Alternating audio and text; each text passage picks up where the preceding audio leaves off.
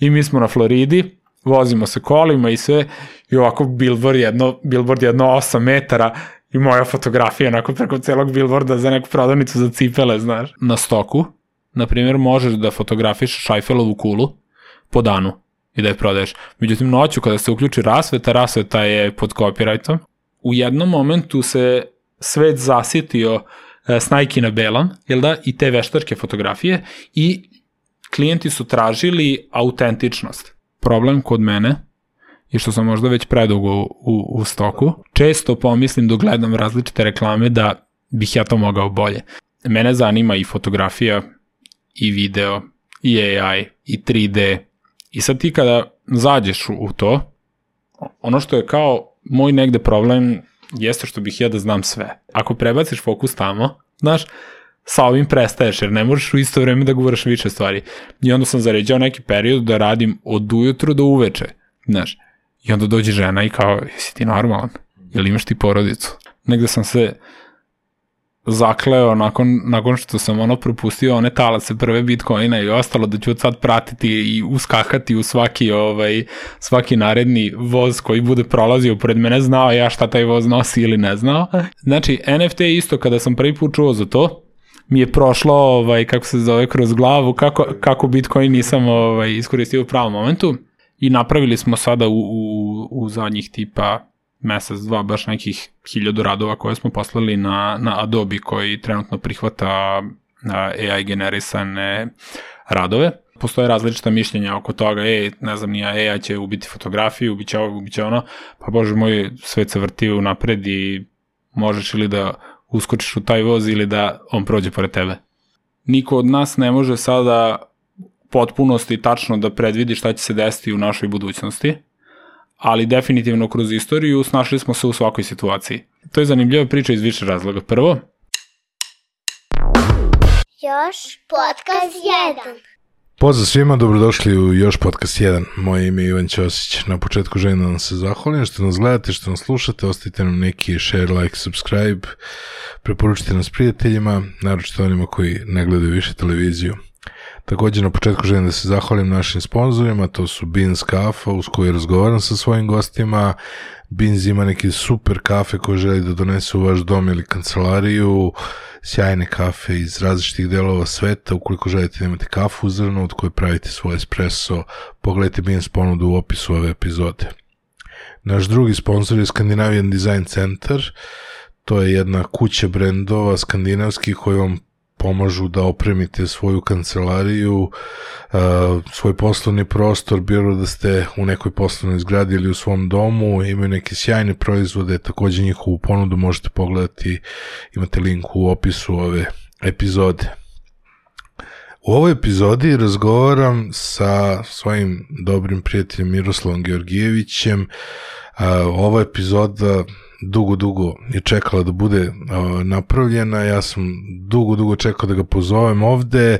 Uh, istina je da je on fundamentalno promenio konferenciju koju sam pravio, došao je tada kao stok fotograf i ispričao svoju životnu priču koja je bila izuzetno dirljiva kada je rešio da se fokusira na stok fotografiju i da apsolutno sve ostale stvari u životu podredi tome i koliko je to značilo i čitav proces koji je prošao u tom, u tom trenutku koliko je promenilo njegov život i upravo zbog njegove priče je moja konferencija u, e, u Vršcu nazvana najinspirativnijom konferencijom u Srbiji i želeo sam da, da dovedem za e, njega ovde u, u emisiju, u podcast, da napravim jednu epizodu sa njim, uh, tokom svih ovih godina on se bavio i 3D-om i videom i danas ima jednu zaokruženu uh, videoprodukciju i želi da videoprodukciju u Srbiji podigne na jedan mnogo viši nivo. Imali smo sjajan razgovor,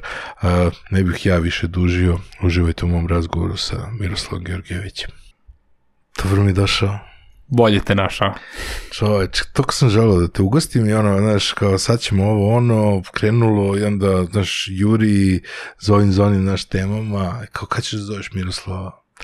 Pozvaću ga kao, on je kao household name, kao, kao već si napravio sto epizoda, kao daj zovi ga. Tako mi je drago da si ovde. Uvijek mi je zadovoljstvo da se družim s tobom. Šta ima novo lepo? Uf, pa, eto na raznim poljima, do- dobili smo još jedno dete umeđu vremenu, ovaj, imamo sada troje, ova mala nam je baš onako unila novu dinamiku u život i sve i to nam baš, baš prija, Mhm. s obzirom da nam je najstarija sada od velike pomoći može da pričuva, tako da žena i ja možemo često da šmugnemo negde i da ovaj, se oni samo održavaju u stanu. Aha, tako da to je dobro što se tiče ovaj, porodice, a ovako Što se drugačije sa čerkama, da, ja sam ono bio stariji brat, moj burazir mlađi od mene 16 godina, onako, ali to je bilo varijanta kao da ga pridržim, znaš, kad Keva treba nešto da uradi. Da, da, ovaj, pa ne, ženska deca su možda malo odgovornije od muških, znaš. Tu muškarci gledaju igrice i sve, ženska deca malo i razmišljaju o nekim stvarima, jel da? Tako da, ovaj, dobri su, dobri su. A, voz Novi Sad, E, jedva ja stigao. hm? Jedva ja stigao ovde. Skroz, skroz mu čudno, ono kao, imao, imao sam utisak da se na exit ide, a da nije problem da se dođe iz Novog Sada. Pa ja još namincao kako smo se mi dogovorili ovde da ćemo da ovaj, počnemo u 11, jel da? Nisam uopšte razmišljao o tim koji će da prenoći u Novom Sadu pa da se vrate vozom Pa da. ujutro. kako smo se dogovorili ovde da započnemo u 11, jel da ja namincao tako, pošto u zadnje vreme kao trudim se da šetam što više i da ovaj, na destinacije odlazim peške Mhm. i stižem ja na železničku stanicu tamo nekih oko 10 do 10, jer u 10 polazi voz i vidim red na svim ovim šalterima za kupovanje karata i imaju kao neki automati, međutim i tu su redovi. Mhm. I ono otkucavaju minute i sve, ja rekao, još ću zakasniti sada na, na voz, znaš, a exitovci ono na sve strane, znaš, i oni su zapravo napravili tu gužu. I stižem do aparata, krećem da kupujem kartu, ovaj, ono pokazuje mi nema, nema više karata kao sve je raspevato. Mhm. I ja rekao, šta ću sada da radim? Međutim, onda izvalim da ima ovaj, kao neki prvi razred. Valjda, ovo je, ovo je bilo automatski namešteno na drugi razred. Aha. Iskreno ne znam kako to funkcioniše u vozu. Prebacim na prvi i onda mi izbaci nešto skuplju kartu, ali, ovaj, ali mi da opciju da kupim. Koliko uopšte Joj. skupio? Pa ne znam, 100-200 dinara skuplju, nije ništa strašno. Ovaj, I ništa kad sam ušao u voz, ono prepuno ljudi i svi su još uvek ono nahajpovani, vidiš svima su prljave noge i to i ovaj, međutim jedno 10-15 minuta kasnije apsolutna tišina u vozu, svi zaspali svi spavaju tako da ono, dobro je A reci mi, kako nisi imao ono neki fazon, ono, da, da si slikao ti nekada exit, si išao nešto sa E, pa zapravo, aparatom gore? zapravo je iskoristio sam, ja mislim, prošle godine sam radio a, nešto za stok, Mhm. znaš. I tada sam otišao sa grupom nekih modela tamo. Aha. i onda smo iskoristili da ovaj da napravimo neke fotke ono partijanja o, onda o, bukvalno ono i, i kada je bila dnevna varijanta znaš smo uradili neki deo fotke a nešto smo uradili kasnije kada je pao mrak i onda sa različitim pozadinama i sve. I sad bilo je zanimljivo ovaj kako su nas ljudi gledali okolo. Pošto sam ja gledao gde je najbolje svetlo znaš, da bi se da bi se što lepše da bi što lepše bili osvetljeni modeli i kako je bio jedan billboard veliki, znaš, koji je menjao, menjao boja, ali u jednom momentu je išla neka reklama koja je prilično svetla i onako i baca belo svetlo i on smo čekali taj moment. I kada naiđe, kada naiđe taj moment, sad bina je ovako u jednom pravcu, a taj, ovaj, kako se zove, e, ta reklama ide sa druge strane. I ja namestim modele da budu okrenuti kao da je ovo bina. Znaš, kao taj billboard da je već svetleći. I ono kad krene ta, ta svetla reklama, oni kao kreću do džuska i svi gledaju što su se ovi krenuli tamo kad je tamo bina. Znaš, i šta igraju van. Ali uglavnom fotke ispadnu dobro, znaš, malo se zamuti ta fazina i sve ispadne strava. Da, čoče, ono, nameštanje takvih stvari. Da, ono. tako da smo tu napravili jedan dobar set. Tu mi je interesantno, iz, sad si rekao sa modelima, a, tu mi je uvijek bilo ono deo koji je recimo ostavljen uh, naročito ljudima koji su iz fotografije, koji to jako dobro znaju, ali sada ima jako mnogo amaterske fotografije, ljudi slikaju i ostalo i a, kako funkcioniše ceo sistem sa tim re, releasima i kako se uopšte... mod release. Model release papirima koje treba da prikupiš ako želiš da objaviš neku fotku. Pa znaš kako, ti imaš ovaj dve vrste relisa koji se ono koriste imaš model release, imaš property release. Uh -huh. Znači, model release koristiš svaki put kada fotografišeš nekoga gde je lice prepoznatljivo. Uh -huh. A, kada imaš neki prostor koji je prepoznatljiv, nekada je to i ovaj spoljašnji prostor, nekada je unutrašnji mm -hmm. prostor, tada moraš da imaš property release. Property release takođe moraš da imaš za a, neke fotografije ili slike koje se nalaze na zidu.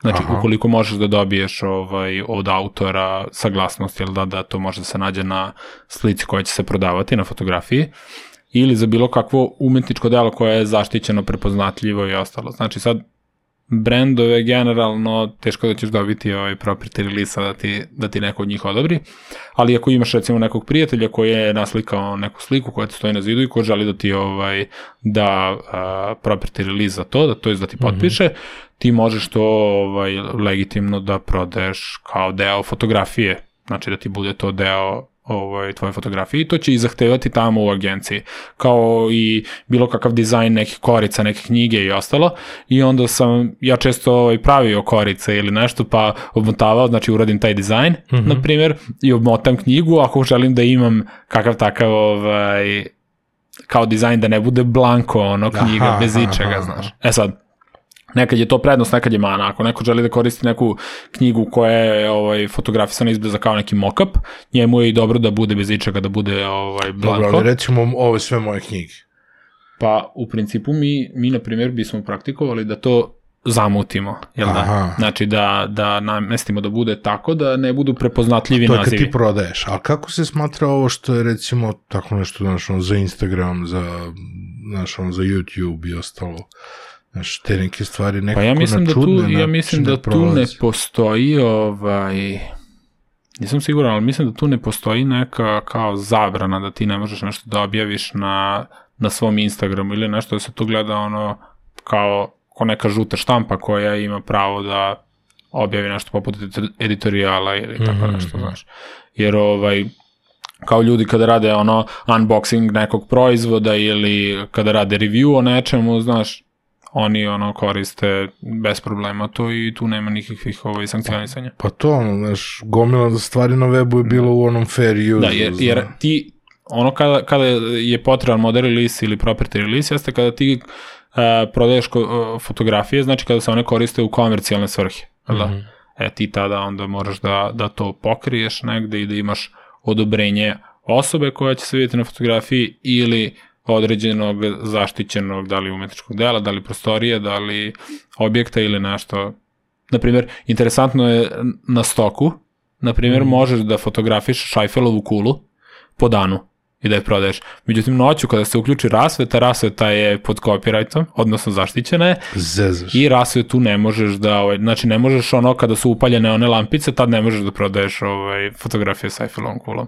Eto, to je jedan interesantan isto detalj. Znaš. Fenomenalno, pa da. čoveč.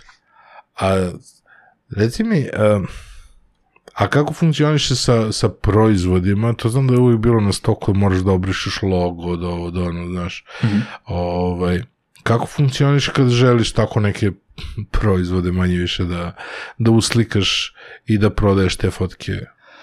Pa sad to se i, i kroz vreme menjalo, na primjer, mm -hmm. mi stalno dobijamo od stok agencija šta šta može da prođe, šta ne može da prođe. Nekada to dobijemo kao zvanično obaveštenje, a nekada najđemo na to tako što nam inspektori odbiju fotografiju i napišu zbog čega je odbijana. Recimo, m, ti kod Apple-a, na primjer, imaš zaštićene, zaštićene određene elemente uređaja. Mm -hmm. I, na primjer, mogao si da šalješ njihov telefon ukoliko ukloniš kamericu na primjer, i onaj uh, thumb button što je bio na ranijim modelima telefona. Mm -hmm. Znači, moraš to prvo da ukloniš i nakon što to ukloniš možeš da pošalješ fotografiju. Ukoliko ostane kamerica ili nešto, oni ti odbiju fotografiju. Sad, bez obzira što se ne vidi sam logo, mm -hmm. bilo je zaštićeno i, i verovatno kada su slali, njih je opominjao Apple ili ih je tužio ili nešto i onda su došli do te saglasnosti da ne može da se vidi prepoznatljiv oblik kao što je kamerica ili kao što je ovaj Ja, sećam se one slike što si mi poslao na Dankine ovaj, sa novim iPhone-om koja ti je ono zaradila iPhone. Ćemo ispričamo tu priču. Ta priča si ti meni ispričao, ja sam je posle koristio, ovaj, ali nikad nismo ono zvanično ispričali. Ovaj. Pa evo, to je, to je zanimljiva priča iz više razloga. Prvo, a, ja sam od, od kad se pojavio prvi iPhone, meni je to bilo ono, pff, wow, Mhm. znaš, ja sam to prvi put video, moj kum je kupio ovaj telefon i prvo nisam iskreno ono, n- ni skapirao šta on tačno radi, znaš, sad ono, on je rekao i kupio sam novi telefon, nego kupio sam iPhone, znaš. Mi smo do tada uvek govorili, ovaj, nisi rekao i kupio sam Nokia, i kupio sam Motorola, rekao kupio sam telefon koji, pa Motorola, pa Nokia, pa, pa ono, znaš, i jednom je ono bilo, i kupio sam iPhone, znaš, i kao šta ti je iPhone? Pa kao to ti je ovaj, kao telefon i sve samo ima aplikacije što su aplikacije. Znaš, ja se tad prvi put i susretao negde sa, sa terminom aplikacija kao na telefonu, nisam ni znao za što to tačno služi. Znaš, ono, u glavi mi je bila jedna konfuzija šta je to uopšte i to mi je bilo onako i zanimljivo, Dobro, intrigantno. i imali su oni stari telefoni, ono, neku, neku, neki mail, neku, ono, kalendar i ostalo. Ja ni tad nisam znao da se to zove aplikacija, Aha, aha, znaš. dobro. nisam bio iz tog sveta baš.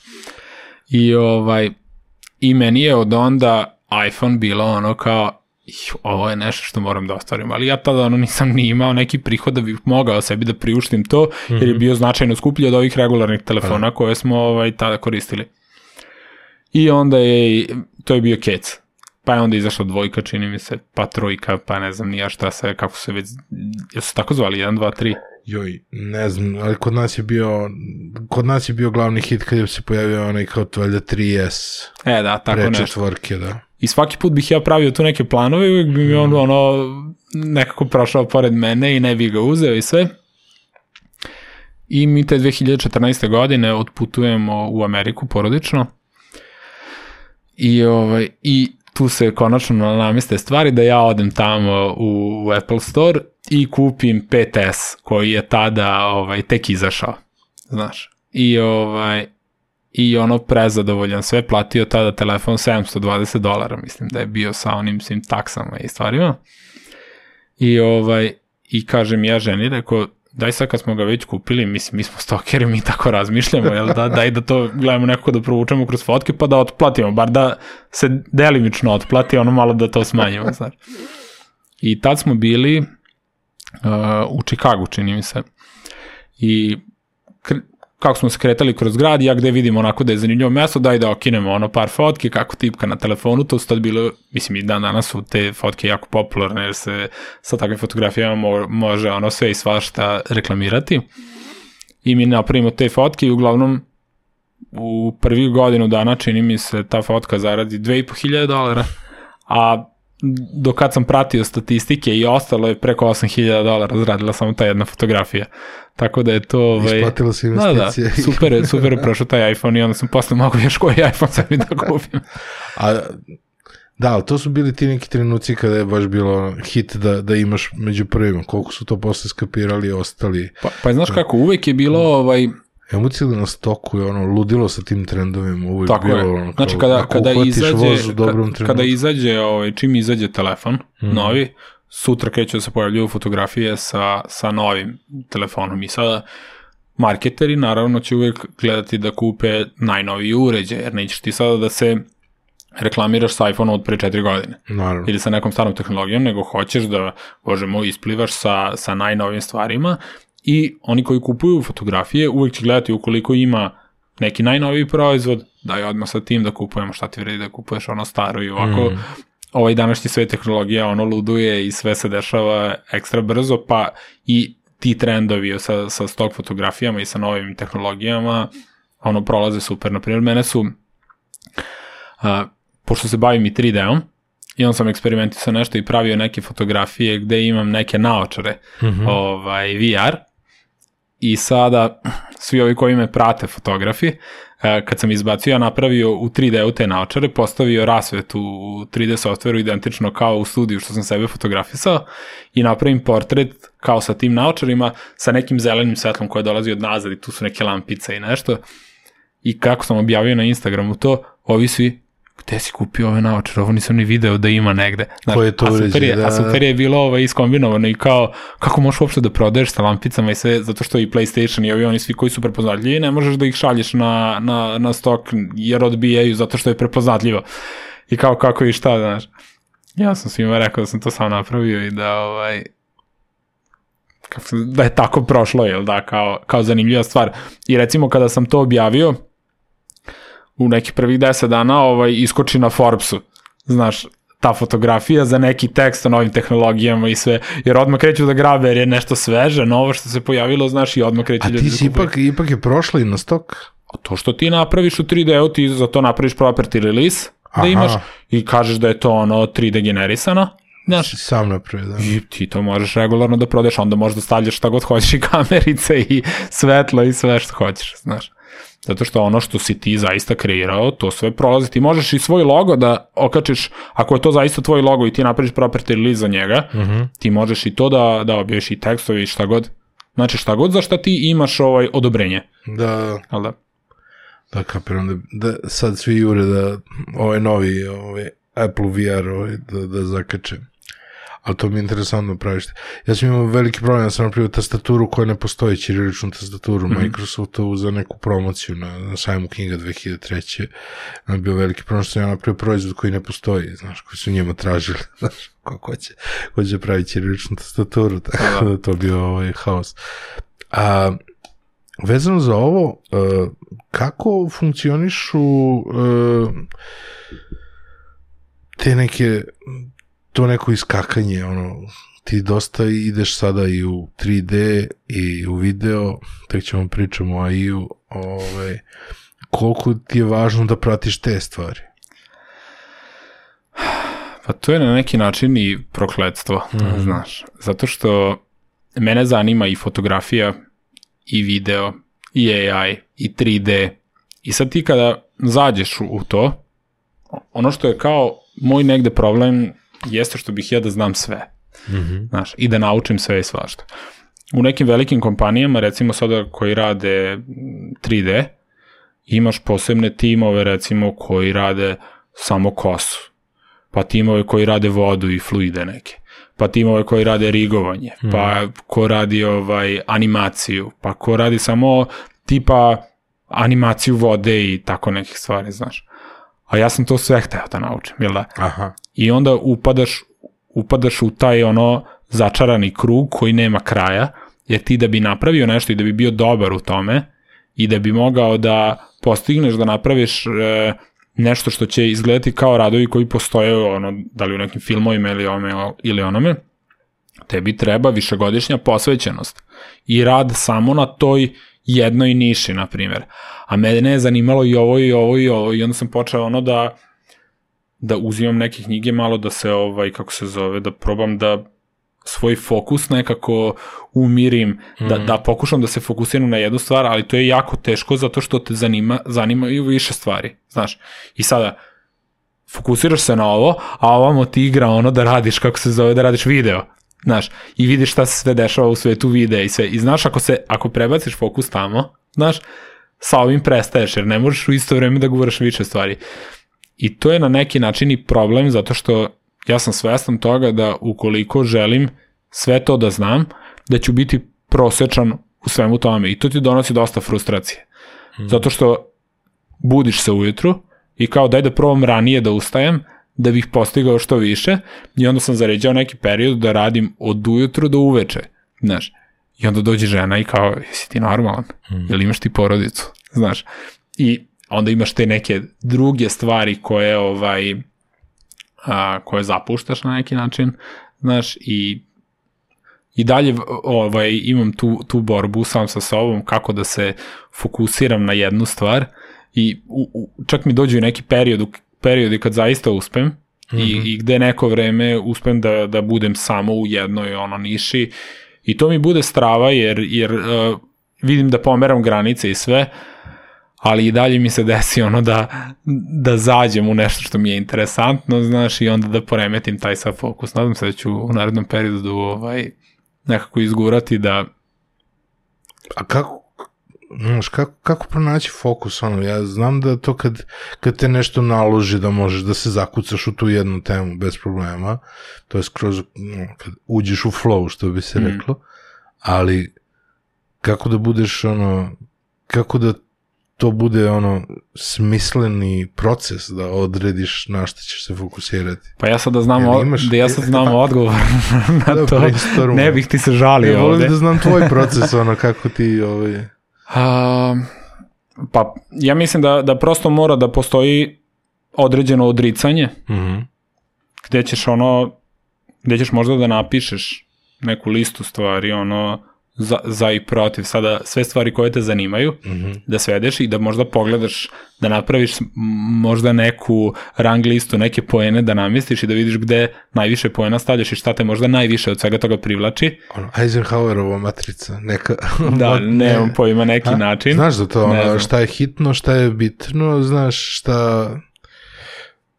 Kao da li je nešto hitno i koliko brzo mora da se uradi, znaš. I, Da. ovaj, I kao da li je važno ili nevažno.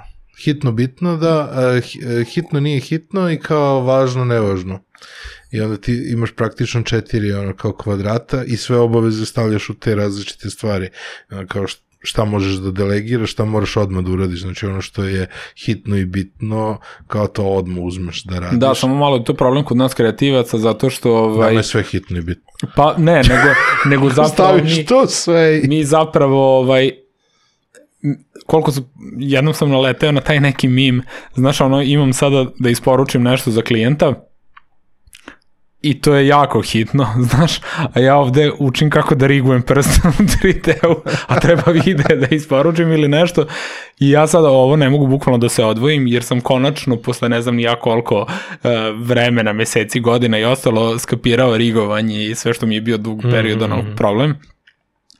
I sada konačno probijam te granice koje su mi dugo ovaj, stajale i predstavljale neke barijere i treba ovo da radim i svestan sam da svakog minuta ono sve manje imam vremena za ovo što treba da isporučim, ali i dalje sam tamo i to te sve negde remeti. Dobro, ali tebi da- bar vozi posao, znaš, Da. imaš jako mnogo takvih primjera gde te ono, gde shvatiš da kao, imaš gomilu posla, ali kao, još da pročitam ovaj tekst na Wikipediji o onome, razumeš, i još da pogledam još ovaj video, znaš, jer baš me interesuje, ono, Pa da, ima, ima jedan sjajan mim kao ovaj, ovako stoji, u šest, u šest ujutru idem na hitan sastanak, ja u četiri ujutru gledam kako ovaj u Africi pravi kuće od blata. ta, ta varijanta. ta E tako i ja isto ovo sa, sa ovim stvarima. I na sve to još došao ja i, Da. Znači- E, ovaj, pa to smo negde prigrabili i probali takođe da, da integrišemo u naš posao, jer ovaj, negde sam se zakleo nakon, nakon što sam ono propustio one talace prve bitcoina i ostalo da ću od sad pratiti i uskakati u svaki ovaj svaki naredni voz koji bude prolazio pored mene znao ja šta taj voz nosi ili ne znao, jel da? I ovaj sad si, sad si se upecao. sad si se upecao, sad si me podsjetio na nešto. E, i sve u Kad svemu, smo kod tih vozova, Da, jedan, da, da. jedan od prethodnih. da, i sve u svemu, ovaj, onda sam počeo da se igram malo sa Mid Journey Mhm. i napravili smo sada u, u, u zadnjih tipa mesec, dva, baš nekih hiljadu radova koje smo poslali na, na Adobe koji trenutno prihvata AI generisane radove. I to smo poslali i to je počelo ono regularno da se prodaje možda čak i malo bolje nego, nego same fotografije klasične, znaš. Tako da ovaj, i tu vidim neki potencijal gde bi, moglo, gde bi moglo sve da se nastavi jer je Midjourney sad toliko uznapredovao da ti kada napraviš neku fotografiju ona izgleda apsolutno realistično Mhm. ne uvek, ali ti možeš tamo da je ovaj da ne namestiš uz dobre promptove, možeš da to namestiš da stvarno izgleda vrhunski.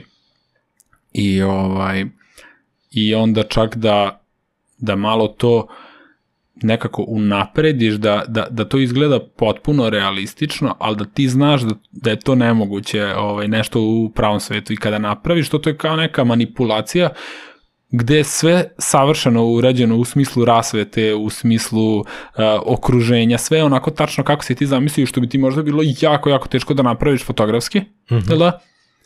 Ovde ti AI to, to sve izvede i napravi, jel da?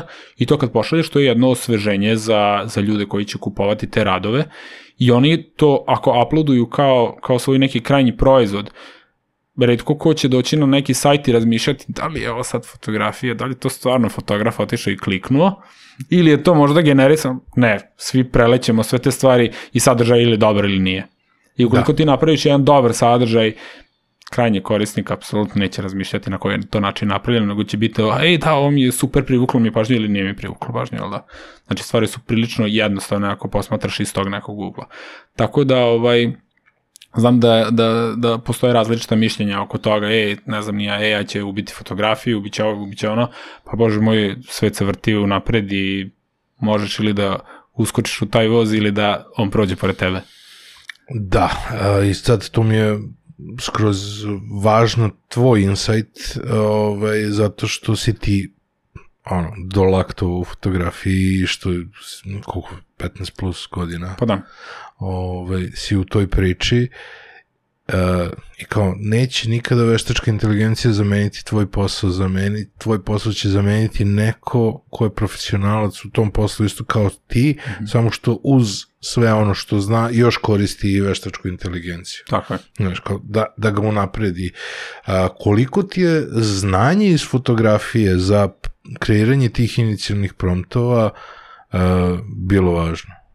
Pa možda ta neka neka fotografska filozofija, mm -hmm. da, postavke svetla, taj neki osjećaj, što ti možeš recimo sada kreiranjem, e, kreiranjem u tom midjourneyu ti možeš da napišeš kakvu želiš atmosferu, a, sa koje strane želiš da dolazi svetlost, a, kako da izgleda, koji, koji da bude ugao, da, na koji objektiv da liči koji je korišćen. Hmm. Naprimjer, ja to često napišem, stavi 35 mm da bude recimo i otvor blenda 1.8.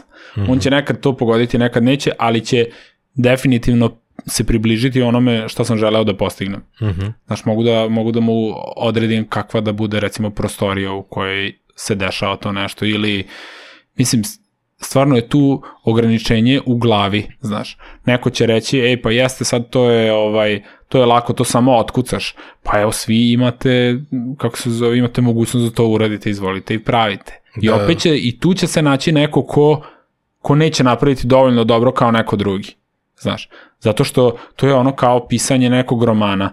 Svi mi imamo mogućnost da uzmemo olovku i papir i da nešto napišemo. Svi znamo neko, sva slova, da. Tako da. je, neko će napisati ono neki masterpiece, a neko će ovaj, napraviti žvrljotinu. Mm -hmm. tako. Isto tako i ovde. Znači, i jedna reč ili neki pogled ono i iz druge perspektive može značajno da izmeni ovaj značajno da izmeni eh, stvari i Evo, na primjer, jedna od fotografija koja je krenu... Fotografija. Tih AI generisanih radova, jel da? A, namestio sam... A, uzeli smo pse da češljamo, jel da? Različite vrste pasa koji surfuju, jel da? Dobro. I sada neki su ispali e, bolje, neki lošije, uglavnom Frenčije smo namestili koji surfuju i koji su srećni dok surfuju, jel da? I to smo onda različite varijante dodavali smo da bude u Miami u ovom onamo, znaš, mm -hmm. i dobili smo set odličnih radova, znaš, koji su se pozicionirali na prve strane na Adobe, znači kad ukucaš French i odmah ima, ovaj, imaju ti radovi Frenchija koji surfuju, jel da, mm -hmm. koji su mhm. naši i koji su strava ispali. I sada, ti možeš Frenchija da provučeš ili bilo koju drugu životinju kroz razne stvari. Zašto smo uzeli životinje? Pa uh, ciljna grupa su nam bili pet shopovi uh mhm. -huh. koji se oglašavaju, koji se reklamiraju ili neke možda a, ne znam, nija osiguranje za pse, a, psi koji putuju, ne znam, možda izdavanje pasoša i sve ostalo, znači uvijek razmišljaš o tome ko će da bude kupac tvojih fotografija. I to je bila neka ciljna grupa i sada nismo mi mogli da gledamo u pasulj koji pas možda zahteva najviše ovaj, to jest koji izaziva najviše pažnje kod njih, mm. a, koji je trenutno najpopularniji pas, nego smo ono peglali, ne znam, nija 15-20 rasa mm -hmm. različitih i najviše smo uspeha recimo trenutno imali kod Bigla i kod, ove, i kod Frenchija, znaš, sa tim nekim prodajama. Mislim, sveže smo to krenuli, još uvijek nema veliko iskustvo u tome, ali ovde su krenule stvari onako prilično brzo da se dešavaju, tako da vidim ono solidan potencijal u tome. A koliko smeju te, mislim, verovatno smeju, sve, sve, sve se sme. Ove, koliko se dorađuju te fotografije koje budu generisane kroz Mid Journey i ostalo? A, pa znaš kako, sad recimo Mid Journey može da ti izbaci mislim 2048 puta 2048 kada uključiš onaj neki njegov upscale, upscale da, što je i dalje malo zato što ti na primjer sa aparatom prosečnim nekim ideš i do 7000 piksela mm -hmm. po dužoj stranici. I, ovaj, I onda koristiš neki upscale software koji će ti malo iščistiti fotografiju tu i koji će upscale-ovati bez nekih artefakta koji će naružiti fotografiju za print ili za, neka, mm. ovaj, za neki ovaj, veći pregled na ekranima. I imaš sad tu neke ono sitnije dorade, postoji, recimo dešava se nekad da, da evo baš sam radio neke uh, šta, gorile sa, sa laptopovima kao koji su freelanceri, ili da? Mm -hmm. ovaj, pa radi na laptopu i ono na laptopu samo osvane Apple znak, znaš, pa onda imaš i to da, da, da. da skidaš i te stvari, znaš, jer nekad i on izgeneriše sa nekim logom, nekad bez, znaš, i kada ovaj, kada izgeneriše sa logom, moraš to naravno da skineš. Tako da ovaj, i tu se dešavaju neke začkoljice, jer ipak taj AI generiše na osnovu svih nekih fotografija i svih nekih vizualnih sadržaja koje se nalaze na netu i on to onda uklapa i minca. Svega ikada. da, da. A kako je kad, malo si pomenuo Forbes, kako je bio efekt prvi put kad si tako naletao na neki svoj rad? E pa to se, to se zanimljivo je bilo, to se... I kako je danas? Ono, da, to, se desilo na, na samom početku, kada sam počinjao tamo još negde 2006. 7. godine. I o, ovaj, sa jednom drugaricom sam uradio fotkanje, ona je bila da mrazica. Jel da? I tad sam ja išao kod krojača da šijemo taj kostim i sve ostalo. I ovaj, i nju sam fotografisao i naletim kroz tipa mesec dana naletim na neki ča, magazin uh, na, kod nas u centru, u Novom Sadu, da, mm. na naslovnoj strani. I meni je to bilo, ja ne znam, ono, osjećaj fenomenalno, osjećaš se odmah, e, ti si neko, razumeš, da, neko, je, neko je to stavio na naslovnu stranu, znači, taj mesec u tom momentu to je bilo najbolje za njega što je verovao da će predstavljati njihov brand. I meni je to bila sjajna, sjajna potvrda, kao nekog kvaliteta, jel da? U tom momentu mi je to bilo i potrebno da mi da dodatni motiv da, da idem dalje i to sam često vijao i svako to voli ovaj, da, da kako se zove, da naleti na tako nešto. Recimo, mi često mahinalno, pogotovo kada je bilo ono zlatno doba stok fotografije i kada si mogao na svakom, e, na svakom koraku da nađeš svoje fotografije ovaj, objavljene negde i onda putujemo, znaš, i čim uđem ili na aerodrom ili negde gde se nalaze neki časpis i novine, odmah ono pregledaš i gledaš slike, znaš, automatski. Mm. verujem da to svaki stok fotograf radi, znaš, i ono gledam, gledam, gledam, ono naletimo do ovog drugara, o, znaš, nije ono sledeća, evo, od kuma, ne znam, nije od koga već, i tako, ovaj, recimo to i kad smo bili na tom putovanju u Americi, pošto smo bili tamo dva meseca, i ovaj, I tako bukvalno nailazim u svakoj prodavnici. Ono slušalice, ne znam ni ja sa fotografijom, već znam tačno čija je fotografija. Pa od ovog, pa od ovog, pa od ovog. I već ono skoro je istaklo dva meseca, nisam našao ni jednu svoju fotografiju.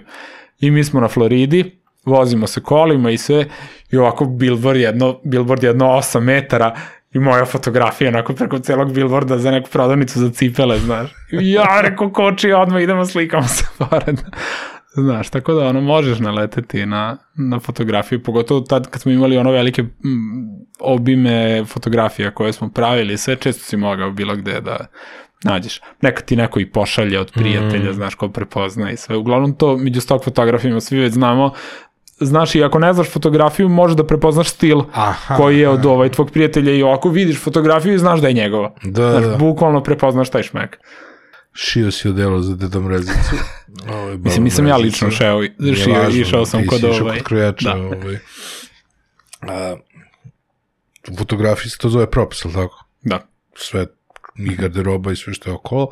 I sad sam vidio da se dosta veštačka inteligencija, odnosno Mid Journey konkretno, koristi čak i u profesionalnoj fotografiji da se recimo napravi ta neka pozadina, mm -hmm. gde se onda kombinuje da se bukvalno kombinuje prava fotografija sa generisanom nekom pozadinom ili se samo generiše deo ili evo sad sve ovo što ima u Photoshopu novom da on sam iz, izmisli šta sve treba okolo, koliko tu pomaže, koliko si Pa jako je zgodno, recimo, ovaj, stvari. evo ja sam imao Jer ti sada... si, ti si pre, pre XY godina i u 3D i ušao da bi Da. izgenerisao te neke dodatne stvari. Koliko je sad...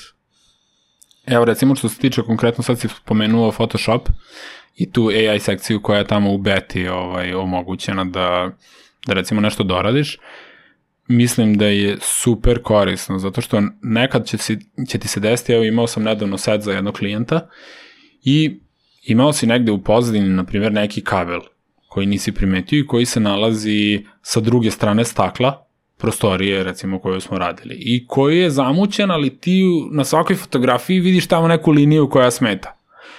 I sad ovaj, preko da testiram tamo, uzmem i ovaj, selektujem samo onako grubo taj kabel i napišem ovaj, izbaci ovaj kabel iz pozadine, ali reko pazi na kosu, zato što ide ovaj, preko kose ovaj, mm -hmm. modela. I on sve to izbaci, kosa ostane super. Znači nešto gde bih ja prethodno izgubio 15-20 minuta ili nešto, sad uzmem zaokružim i instant je to gotovo.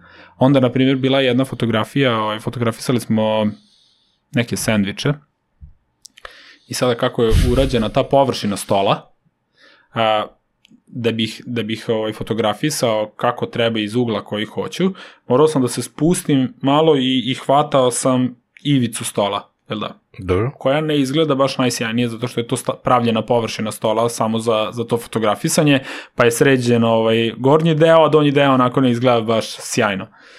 I sada, preko daj da, da isprobam i u toj beti onako uzmem i taj donji deo selektujem i samo napravim, ovaj, produžim isto kako treba. I on u perspektivi sve izvuče, napravi godove, napravi sve i produžiti fotografiju, znači tu bi baš trebalo onako napredno znanje da bi ti to izveo, znači da, da ti ne, ne, ne deluje ništa razmuljano, uh, da ne deluje onako bezvezno, nešto, on uradi to perfektno i u, u ono rekordnom roku. Tako da ja to nalazim baš, baš onako od velike pomoći i, i baš onako možeš da ubrzaš proces. Opet sad tu, znači dosta je do toga koliko si ti spreman da razmišljaš i da izađeš iz onog tradicionalnog načina razmišljanja i obrade i koliko ćeš uposliti taj AI kao jednog ono dodatnog saradnika, kao jednog ono svog e, Da, retušera. Tako, Znaš- kako ti slušam, bukvalno imam utisak kao da ga tako tretiraš, kao još Tako je, jednog zaposlenog. tako je i, ovo, i to tebi ubrzava stvari i tačno ono što poželiš, ono ti instant završi. Ako ukucaš ono prave propse i ako možeš da razmišljaš ono široko, mogu fenomenal, fenomenalne stvari da se izvedu i baš baš da ti pomogne. Ali taj deo me sada brine, a, zato što imam utisak da ti to možeš da uradiš, zato što ti imaš godine i godine iskustva, imaš tu neku širinu, imaš kreativnost, da mu opišeš šta u stvari želiš, jer ti kapiraš šta ti fali. A, imam utisak da će se napraviti neka praznina gde će doći ljudi bez iskustva koji ne znaju znaš, kako, je, kako bi to trebalo da funkcioniše, znaš, e, šta će značiti 35 mm objektiv u trenutku kada više niko ne bude znao koji su različiti objektivi za šta. E, Znaš, taj deo hoću da ti kažem, znaš, neko, zna šta mu je lepo, ali ne zna da ga opiše i kako do tog lepog došlo. Znaš, šta će se desiti sa sa svim tim kada se pojavi tolika praznina između da neće dolaziti ljudi koji su u nekom praktičnom smislu koristili te alate na osnovu kojih je sve ovo bazirano. Znaš kako, ja mislim da smo mi generalno kao ljudska vrsta prilagodljivi na situacije koje nas zadese. Da. Niko od nas ne može sada potpunosti tačno da predvidi šta će se desiti u našoj budućnosti, ali definitivno kroz istoriju snašli smo se u svakoj situaciji. I čak i da dođe do potpunog kolapsa sveta zbog napretka tehnologije ili nešto, krenut ćemo od nule i krenut ćemo ovaj, da se snalazimo u situaciji gde se trenutno nađemo, je tako? Isto tako, ovo sa, sa razvojem AI-a, ko zna dokle će dovesti, znaš. E, ja sebe smatram suviše sitnim da mogu tu nešto da izmenim Hmm. i da mogu da utičem nešto na te promene. Znači mogu da koristim trenutno dostupne resurse najbolje što znam i umem i najbolje što, to jest kako smatram da bi najbolje trebalo, jel da? I to je to. A sad šta će se dešavati sutra i ostalo, snalazit ćemo se ovaj, sprem situacije koja nas zadesi. Mm. Znaš, nemam sad tu neki ono konkretan odgovor da ja kažem, e sada to je to je sada loše, ne znam ni ja nas će ono AI porobiti ili sve. Ne, Mo- ne, znaš, znaš, ovaj, moj neki, hm, znaš šta, šta se meni ne dopada? Meni se ne dopada kada ne postoji stručnost iza neke aplikacije, iza nekog pristupa, onda dolazi do template templatizacije, odnosno do šabloniziranja.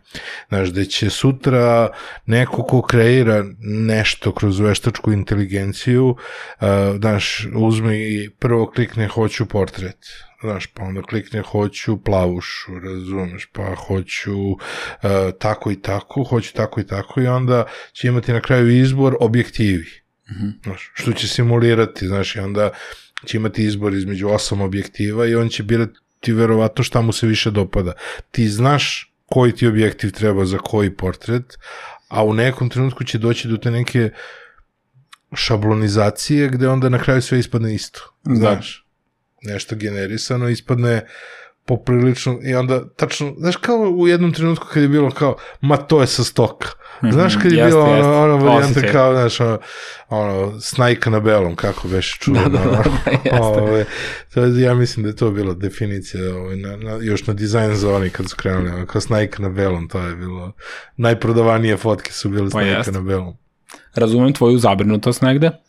Mislim da će uvek biti autentičnih autora a, koji će imati svoj neki dobar stil i dobar šmeh koji će se odvajati od snajke na belom, znaš, i isto tako će i, i taj AI kad počne da, da, da dosađuje kao ono neka neki sepija efekat koji je postojao ranije i koji je Jao, svima, daj. koji je svima dosadio, jel da? Tako će verovatno i ovo biti možda dosadno ili će, će biti prepoznatljivo. Ti, ti recimo sada ako koristiš chat GPT, ti negde već kad pročitaš neki tekst, možeš da naslutiš taj osjećaj da je to chat GPT, ovaj, se, da. da, da je chat GPT to pisao. Čak i bez nekih botova koji će ti to reći. Nego, nego možeš da osetiš negde ko je davao takve komentare. Evo, baš sam, baš sam pratio, bile su negde, neke dali nakaradne igre, pa da se stave neki komentari, znaš, i on tačno vidiš slične komentare koje, koji imaju taj neki ton koji je ispisao chat GPT, znaš. Tako isto će i ovde verovatno postojati postojaće više tu nivoa različitih, mm -hmm. znaš. Ali ovaj ali ono nešto što je što je autentično i što možda ima neki prepoznatljiv stil od nekog umetnika, mislim da će uvek ostajati i da će osim ukoliko se AI ne razvije toliko da nas sve zavrne, znaš, ali mislim da će postojati i ljudi koji, koji cene i vole tu neku autentičnost od nekog umetnika i da i, ili da će to postati prosto jedan alat kao kao što nam je Photoshop normalna stvar, što bi možda neki analogni fotografi rekli da je prevara, jel da, i da je nešto ono što, što je uništilo potpuno jednu generaciju, jel da, tako isto će možda ovo postati jedna norma, jedan, jedan standard, znaš, da. i gde ćemo ovaj, prosto naučiti sa tim da, da živimo, napre, napredujemo, kreiramo i možda to sve ispadne do kraja kako treba. Samo što nekad se desi neka promjena tehnologije da ne ispratiš uopšte. Znači, kad sam pravio kurs neki za Photoshop, sam napravio video kako se sklanja crveno oko u Photoshopu. A ja sam imao fazom kao posle, kad, sva, kad svaku lekciju završim, kao svaku lekciju pravim na, na svoj neki način. I onda kao, posle toga proverim na YouTube da vidim da li je, znaš, kao kako drugi ljudi to objašnjavaju i shvatim da ja nisam ispratio trenutak kad je Photoshop dodao alat za uklanjanje crvenog oka, a ja sam pravio ono tutorial, razumeš, od 7 minuta kako se to skidalo još ono u Photoshopu 4-5, razumeš? Mm, to mogu potpuno da razumem Samo i, sam i, i taj to. moment taj moment ispratiti sve Mm. i naučiti sve i možda čak i preneti znanje o svemu svima je nemoguće. Da. Znaš, i zato je upravo ono ka čemu ja težim i šta je sada negde moj e, cilj jeste da, da pronađem nišu na koju ću pokušati da se fokusiram maksimalno i nešto što ću pokušati da, da, da, da istrajem u nečemu, da, da bih napravio nešto veće zarad tog nekog postizanja a, boljih rezultata u tom jednom ovaj polju. Znaš, to mi je to će mi možda biti neki izgovor da više ne guram nos u sve ove rupe koje postoje. Ali to se, to se kosi sa onom idejom da ne propuštaš vozove više. Pa vidi, ajde da zamislimo da, da smo na jednoj centralnoj stanici, gde ima vozova u različitim ovaj, pravcima, je li tako? Dobro. E, možda bismo trebali da izaberemo taj, taj jedan voz, to je jedan kolosek, jel da? I na tom koloseku da, da pokušamo da hvatamo svaki voz. Ako me razumeš. Dobro. Znači da, ako se ja sad fokusiram na, na video, na direkciju videa, što mi je sada negde ovaj, najzanimljivije, Mhm. a, možda bih trebao da istražujem sve što mogu što se tiče toga kako da budem ono što bolji a, u prenošenju svoje vizije saradnicima i, i ljudima koji su na setu, da napravimo što bolji konačni video. Da li to bude, da li se radi o nekoj video reklami, da li se radi o nekom kratkom filmu ili nečemu što budem pravio. Znači da budem što bolji u tome i da uđem u svaku poru toga, mislim da će mi to biti bolje nego da ovako skakućem na više različitih polja i da u svemu negde budem prosečan. Znaš, tako da, ako sam ti odgovorio na pitanje... Jesi, jesi, samo što si mi kao primer za neuskakanje u vozove pomenuo Bitcoin, znaš, koji je potpuno van fotografije, a ja mislim da si ti u tom trenutku bio u jednom veoma ozbiljnom vozu kada si podigao svoj nivo fotografije, nivo svog biznisa, porodice, promenio sebi život sa, sa fotografijom. Znaš, e, čudno mi je, sigurno bi to bilo drastično drugačije da si ušao u Bitcoin voz u tom trenutku 2006. 8. O, znaš, tako da sad, E, evo, evo šta, znaš, sam, šta, sam, interesantno šta, mi je- sam sebi, šta sam sebi tad zamerio? Ajde, Na primjer, mm, kada sam prvi put čuo za, za Bitcoin, od osobe u koju i tekako imam poverenja, imam poštovanja prema, prema toj osobi i prema mišljenju te osobe. Znači, taj, taj drugar mi je ispričao o Bitcoinu i rekao je, ajde da uzmemo ovo, ovo bi moglo da bude veliko. Jer svi mi živimo u materijalnom svetu i svakom od nas bi neka dobra investicija koja bi ti donela neki novac mogla da pomogne da u, u tom polju koje voliš Mhm. da uložiš dodatni novac i da se razviješ još više u tome. Znači, svima nama odgovara kada, kada uspemo materijalno da uznapredujemo jel da, i da iskoristimo to na najbolji na- mogući način na koji verujem da možemo to da iskoristimo. I ta, taj, taj drugar mi je ispričao o tome, rekao da se pojavio taj neki Bitcoin, mm -hmm. jel da, i da je to neka blockchain tehnologija i ovo i ono. I ja iz svog nerazumevanja o čemu on meni priča, sam samo ono, e, ne interesuje me. Znaš, trenutno se razvijam na putu ono fotografije, to mi je super. I znači, ja nisam zagrebao uopšte da, da pročitam šta je to. Znači, nisam, nisam pokazao trunku interesovanja i negde sam pustio da to... Dobro, bio si na svom koloseku, onom koji si pominjao malo pre. Jeste, jeste, ali ovaj, mislim da je da ovo nije zahtevalo previše eforta mm -hmm. i da što bi se reklo sam se mogo tu očešati ovaj, i investirati možda u to na vreme jer to, to nije stvar koja se pojavljuje definitivno svaki dan. Ne. E sad, da li to dobro, da li nije, pitanje je ovaj, tako da ne znam da li bih trebao da žalim, negde, negde u sebi mi je žao potajno što nisam iskoristio taj moment, a sada da li to dobro ili Znaš nije, koje, znaš koje pitanje stiže? ne znam. Onda si uskočio u NFT voz. E da, to, e to je recimo ovaj, kako sam... Direktan, direktan da, da. posledica očigledno sam, jednog i da drugog. bi moglo da bude.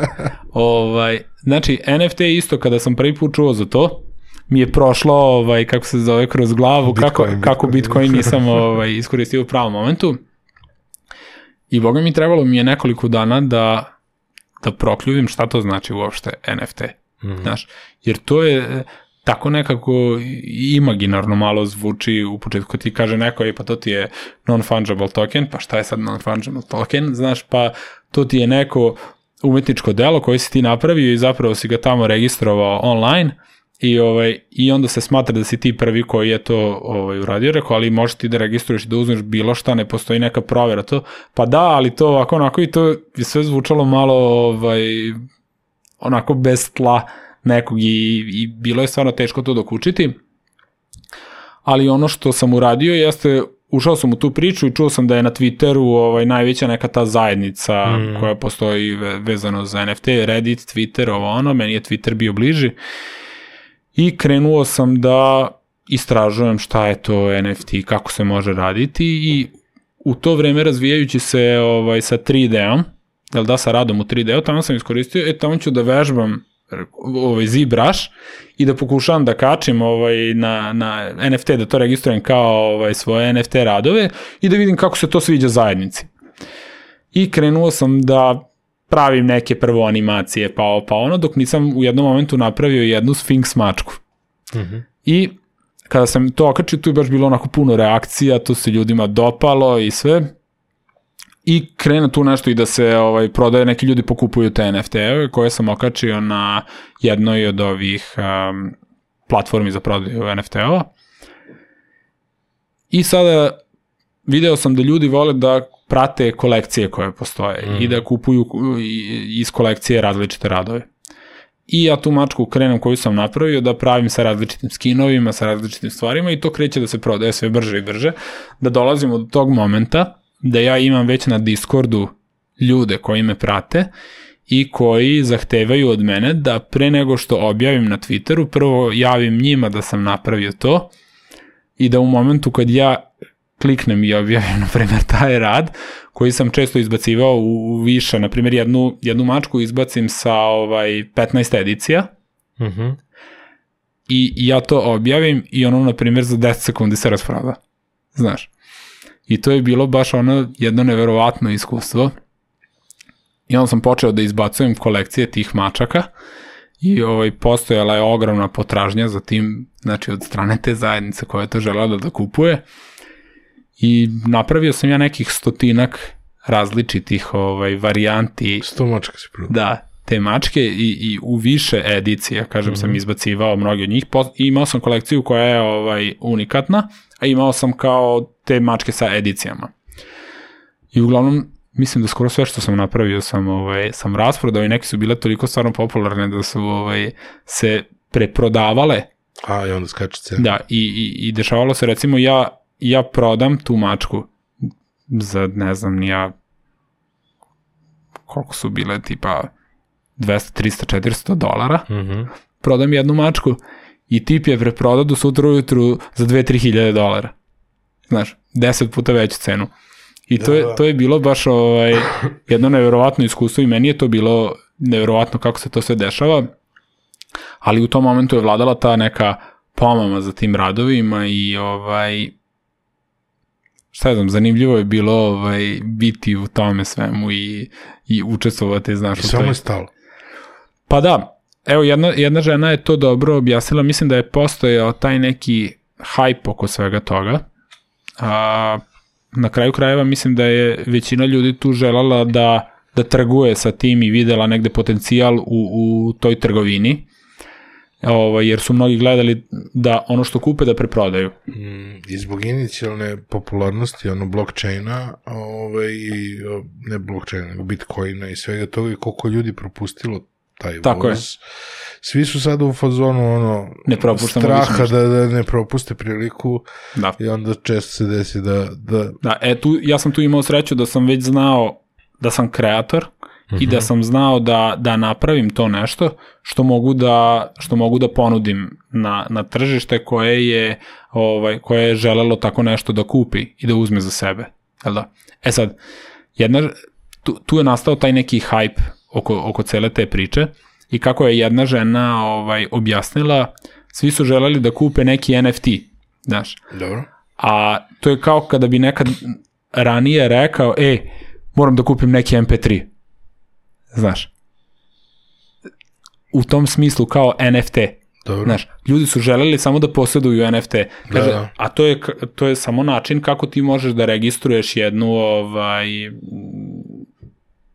jedan rad neki, kao što postoji pesma koja može da bude naslimljena u više različitih mm. formata i na više različitih načina da bude objavljena, između ostalog da bude u formatu MP3, tako isto i neku fotografiju ili video ili neki zapis, ti možeš da prodaješ na različite načine i jedan od načina je da ga registruješ kao NFT i na taj način da ga prodaješ. Naravno, postoji ta, taj neki moment da ti to registruješ i da to ostane zabeleženo na blockchainu, da si ti prvi koji je to registrovao i sve, ali ovaj, pitanje je koliko su Ne, to... meni se tehnologija jako dopada, ali taj hype i ta želja za Da. brzom zaradom i preprodajom, Da. odmah se videlo iz aviona da to... Ja mislim da da će NFT u, u jednom momentu pronaći ovaj Apsolutno. pronaći određeni način da da kako se zove da da ispliva u najboljem svetlu, jel da i da se izrazi da tako kažem u najboljem svetlu. I ovaj sa, samo je pitanje ko će ko će naći taj, taj najbolji način. To je ono kao što ranije kad se pojavio internet, videli smo jako usko šta sve internet može da, da ti donese. Nismo ni možda sanjali šta će sve biti ovaj nadograđeno na taj internet i, i kako će se taj internet moći iskoristiti, jel da? Pa da, ali gomilu stvari treba da napraviš kao NFT i naš, e, nije, nije mi čudno što nije, nije uređena naš e, široka demokratizacija tehnologije. Znaš, da, da je NFT dostupan apsolutno svima na svaki način, znaš, nego se odmah uletalo u tu brzu zaradu. Da. Jer jedno od najlepših objašnjenja NFT-a je ta novčanica od 5 dolara i druga novčanica od 5 dolara su međusobno zamenjive. Ali novčanica od 5 dolara koju si dobio za svoj prvi posao sa 16 godina ima za tebe neprocenjivu vrednost. Mhm. I više ta vrednost te novčanice od 5 dolara nije ista kao ova novčanica od 5 dolara, jer za tebe ova vredi milione. Da, da. E, tako isto, znaš, tvoj, tvoja prva fotografija koju si prvi put ispucao sa novim, ono, full frame aparatom koji si kupio od toga što si zaradio. Čičak. Znaš, vezana u NFT, kao prvi primerak prve fotografije koja je okinuta iz tvog aparata, je NFT koja je enormne vrednosti za tvoju porodicu. Mhm. Znaš, a, sutra fotografija nekog vrhunskog fotografa, prva koja je nastala kada je otišao u novu konflikt zonu, prva fotografija koja je urađena u, šta znam, sukobu u Ukrajini. Mhm. Znaš, vezana kroz NFT ima istorijsku onda vrednost. Da, da. I onda se tačno zna i kuda je prolazila. Znaš, nije to isto, isto digitalna stvar, digitalna reprodukcija. Ne, taj baš file ima svoju neku istorijsku vrednost i može mnogo ove, da ima tu priču kada se kroz blockchain još dodatno upisuje u nju, znaš. Da, ja kad- mislim da će ovaj da trenutno sada posmatramo NFT samo kao registrovanje nekih umetničkih dela, Mhm. odnosno nekih digitalnih stvaralaštava. Ali mislim da će NFT moći da se iskoristi i u, u nekoj proizvodnji za, za zaštitu možda originalnosti e, nekih proizvoda ili spomenuo je baš ovaj uh, ovaj jedan tip iz Shark Tanka, mislim Kevin da se zove, ovaj, na primjer dao je, dao je jedan primer sa proizvodnjom satova, gde, ćeš, gde bi ti možda mogao u sat da dobiješ i NFT koji ide uz njega, gde postoji ovaj zapis ko je tačno ovaj, a, ko, ko je prvi ko je kupio taj sat i onda prodajom tog sata da se, da se radi transfer NFT-a Da, i da. da se isprati ceo taj put, originalnost samog sata i tako nekako da se zaštiti ovaj kroz koje sve ruke je prošla, celo, je. ceo istorijat je, taj nekog moment, predmeta da, da- da bude praćen zapis. digitalnim Tako je. zapisom koji je u stvari u formi NFT. Ove, da, a recimo za katastar je rođen, znaš, Da. za ugovor o nekretninama Tako i je. ostalo, znaš, tačno. Tako je, mogle bi stvari neke da budu čiste, ali mislim da tu još predstoji ovaj put određeni koji treba da se prođe da bismo došli do toga da katastar naš uvede registraciju putem NFT-a. Da dodamo kafe. Dopunili smo kafu. Uh, Šesti put. Zavisi kad brojiš. da li sabiramo moj i tvoj. Uh, pričali smo, pominjali, si, pominjali smo već nekoliko puta video. Ti si krenuo od stok fotografije. Taj prelaz ka video, je li to isto praćenje trenda ili to praćenje neke tvoje ljubavi, je li to sad za- zanimljivije, zanimljivije i zabavnije za tebe? Kako, je, kako ta transformacija funkcioniše? A, pa video je meni od uvek bio zanimljiv. Mhm. Čak i pre nego što sam počeo da se bavim fotografijom, imao sam neki camcorder s kojim sam ono smarao sve ljude oko sebe, rodbinu i ostale, postavljao ih vamo i namo da ih snimam. I ovaj, uvek je to bilo zanimljivo, ali da bi to izgledalo kako treba i da bi bilo urađeno kako treba, zahtevalo je puno, puno znanja, a, dobru opremu, a, zahtevalo je dosta više vremena nego sama fotografija. I ovaj i nije sada da je jedno jedno bolje, drugo lošije, mm -hmm. prosto su na, na neki način slični, na neki način različiti. Aha. Ti što se tiče same fotografije imaš možda veću kontrolu a, da da u jednom tom kratkom trenutku podesiš idealnu, da napraviš idealnu scenu, mm -hmm. da namestiš idealno svetlo i sve da pripremiš lakše nekako i da zabeležiš taj trenutak i da izbaciš jedan lep rad. Što se videa tiče, to je sve dosta kompleksnije. Znači, ako pričamo sada o nekom komercijalnom videu i o nekim stvarima koje treba da imaju uh, određeni kontrolisani smisao, je tako i kontrolisanu formu, Mm -hmm. imamo dosta više stvari koje treba da budu um, koje treba da budu dobro pripremljene i dobro izorganizovane. Konkretno ako pričam o, o, o nekom komercijalnom videu, trebamo da imamo pripremljen jedan scenariju o čemu će taj video biti i koja je njegov, koji je njegov cilj. Mm -hmm. Jel da? A, zatim da napravimo neki storyboard svih kadrova koje ćemo praviti, Mm -hmm. Da se to sve zapiše, nacrta, da se otprilike ima plan koliko će koji kadar da, da traje, kako će se on kombinovati sa nekom pozadinskom muzikom ili sa nekim voiceoverom koji će se dodati, a, koja nam je rasveta potrebna za različite tipove snimanja u zavisnosti da li snimamo a, u real time, da li snimamo neki slow-mo za koji nam je potrebno više svetla, mm -hmm. da li je potrebno osvetliti celu prostoriju koja se vidi, da, a, kako će se uklopiti ta prostorija sa, sa spoljašnjim ambijentom ako i on ulazi u kadar, a, ko su ljudi koji će se naći, da li oni znaju dobro da odglume čitavu dužinu kadra, tako da mnogo, mnogo kompleksnije ovaj, Ali u profesionalnoj fotografiji dobar deo toga isto moraš da prođeš. jeste ali je jednostavnije. Mm -hmm. Smatram, je smatram, da, je, smatram da je jednostavnije jer lakše je zabeležiti taj jedan moment. Ali zahtevnije. Ja mislim da je recimo video liberalniji po tom pitanju da ne brineš o svakom kadru, o svakom osmehu, o ovome, onome, znaš. I ti tu sad imaš ono, znaš, u fotografiji... pitaj, to, pitaj to moje klijente. Pa to, to, to. Znaš, imam utisak da ono, u fotografiji ovaj, isto imaš praktično gomilu kadrova gde ti sada si dužan da izabereš jedan koji je najbolji. Znaš, taj, taj deo je malo onako veliki. ja nalazim negde da je ja nalazim negde da je jednostavnije ovaj da je fotografija jednostavnija od videa, Aha, da zahteva negde manje nekih resursa. sigurno, da. da zahteva ovaj manje samog rada pripreme i kompletnog vremena utrošenog da se to napravi, nego sad zavisi, mogu, mogu fotografije biti veoma, veoma različite. Znači, pitanje, ali ako pravimo, na primjer, istu scenu, uh, video snimanje i fotografisanje, mislim da će uvijek biti lakše ovaj, uraditi fotografiju nego, nego sam video. 24 puta lakše. Da. Tih Jer šta je? 24 frame. Jer šta je, na primjer, mi, mi imamo ovaj, mi u samom videu imamo i kretanje kamere.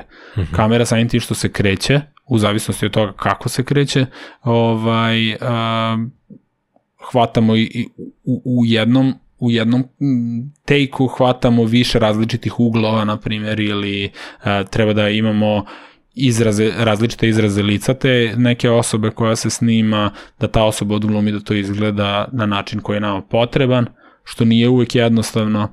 Tako da video mi je onako dobar izazov da, da dokažem i sebi i drugima da to mogu, da mogu to da izvedem na pravi način, da to mogu da predstavim nekako elegantno, onako kako ja to zamišljam da bi moglo da bude, da izazove određene uh, osjećaj i simpatije kod, kod ljudi koji to posmatraju, što mi je, što sam uvek voleo, uvek sam voleo da gledam filmove dobre, voleo sam da gledam dobre, ovaj, dobre TV reklame, mm, uvek mi je to bilo zanimljivo i nekako sada imam možda i najveći žar u, u svom, mm. U svim kreativnim poljima, upravo da u tom videu doguram ovaj, do nekih što, što, što viših vrhova, jel da? A kako se video ponašao na stoku? U smislu ono, tvog proizvoda za prodaju? A su to ljudi prihvatili, krenula prodaja, jeste, ozbiljno, jeste, ovaj, ali, pa palo, da. ko, koje priče? Evo ovako, znači video se sve više koristi u, u stoku, Uh -huh. jel da, ali problem kod mene je što sam možda već predugo u, u stoku, Stoku, aha. i što negde ono što smo pričali ranije, što je taj moj ta, ta moja veza sa klijentom je mnogo čvršća nego kada, kada šaljem neke radove na stok i to je ono što, što više negde cenim i, i što više volim, volim više to okruženje da radim direktno, direktno sa ljudima za koje pravim, na primjer, taj, taj neki video, nego na stoku gde nekako kreiraš, ostavljaš to negde gde se prodaje i jedini benefit koji tu imaš su financije, Uh -huh. jel da? Znači pare te neke koje ćeš zaraditi i tu se završava cela priča. Mene kao kreativca to na neki način onako uspavljuje i, i ne daje mi potpuni taj doživljaj zadovoljstva, jel da, kao kada, kao kada pričam sa nekim klijentom kome pomažem da ostvari svoj neki cilj, sa kim imam komunikaciju i gde ovaj pokušavam da na najbolji način ovaj predstavimo taj neki proizvod koji on ima ili neku uslugu koju pruža i da, da onako pomognem tu, taj ceo proces i, i, i na što bolji način ovaj, radim na uspehu klijenta, jel da, na postizanju tog cilja i uspeha. Da, to je zabavno, zato što si ti se nekako fokusirao na stok i sada ideš ka klijentskom radu, mm. -hmm. a ima jako mnogo ljudi za koje se sećam da su pobegli iz klijentskog rada u stok, kao samo da više ne, ne pričam sa klijentima. Da, meni, Znaš. meni taj neki ambijent ovaj, za sada odgovara. Mm -hmm. A, negde nalazim dobar zajednički jezik sa klijentima i šta ja znam, prije mi to za sada. Pitanje je koliko će to trajati, jel da, ja se nadam što duže, ali ovaj, dokle god bude to u meni uh, razvijalo taj neki dobar osjećaj i, i zadovoljstvo, ja ću to ovaj, onako sa uživanjem raditi i to mi je negde i cilj da dok me, dok me neka neki način rada vozi, tako da kažem, mm i dok to ide kako treba i dok me to zadovoljava, da ovaj, taj način rada i gura. A ti si imao recimo i neke hakove koji su meni posebno dopadali i onda sam ja to često i pričao ljudima da je to super koncept, a to je da si nekada imao polu klijente, polu modele, gde si odlazio recimo u neke različite startupe i gde si onda i slikao i njih, a istovremeno si gomilu tih fotografija mogu da koristiš. Kako takav sistem rada dogovoriti za neke mlade fotografe, ono, kao, što je Pa, kao dobar koncept? to je super.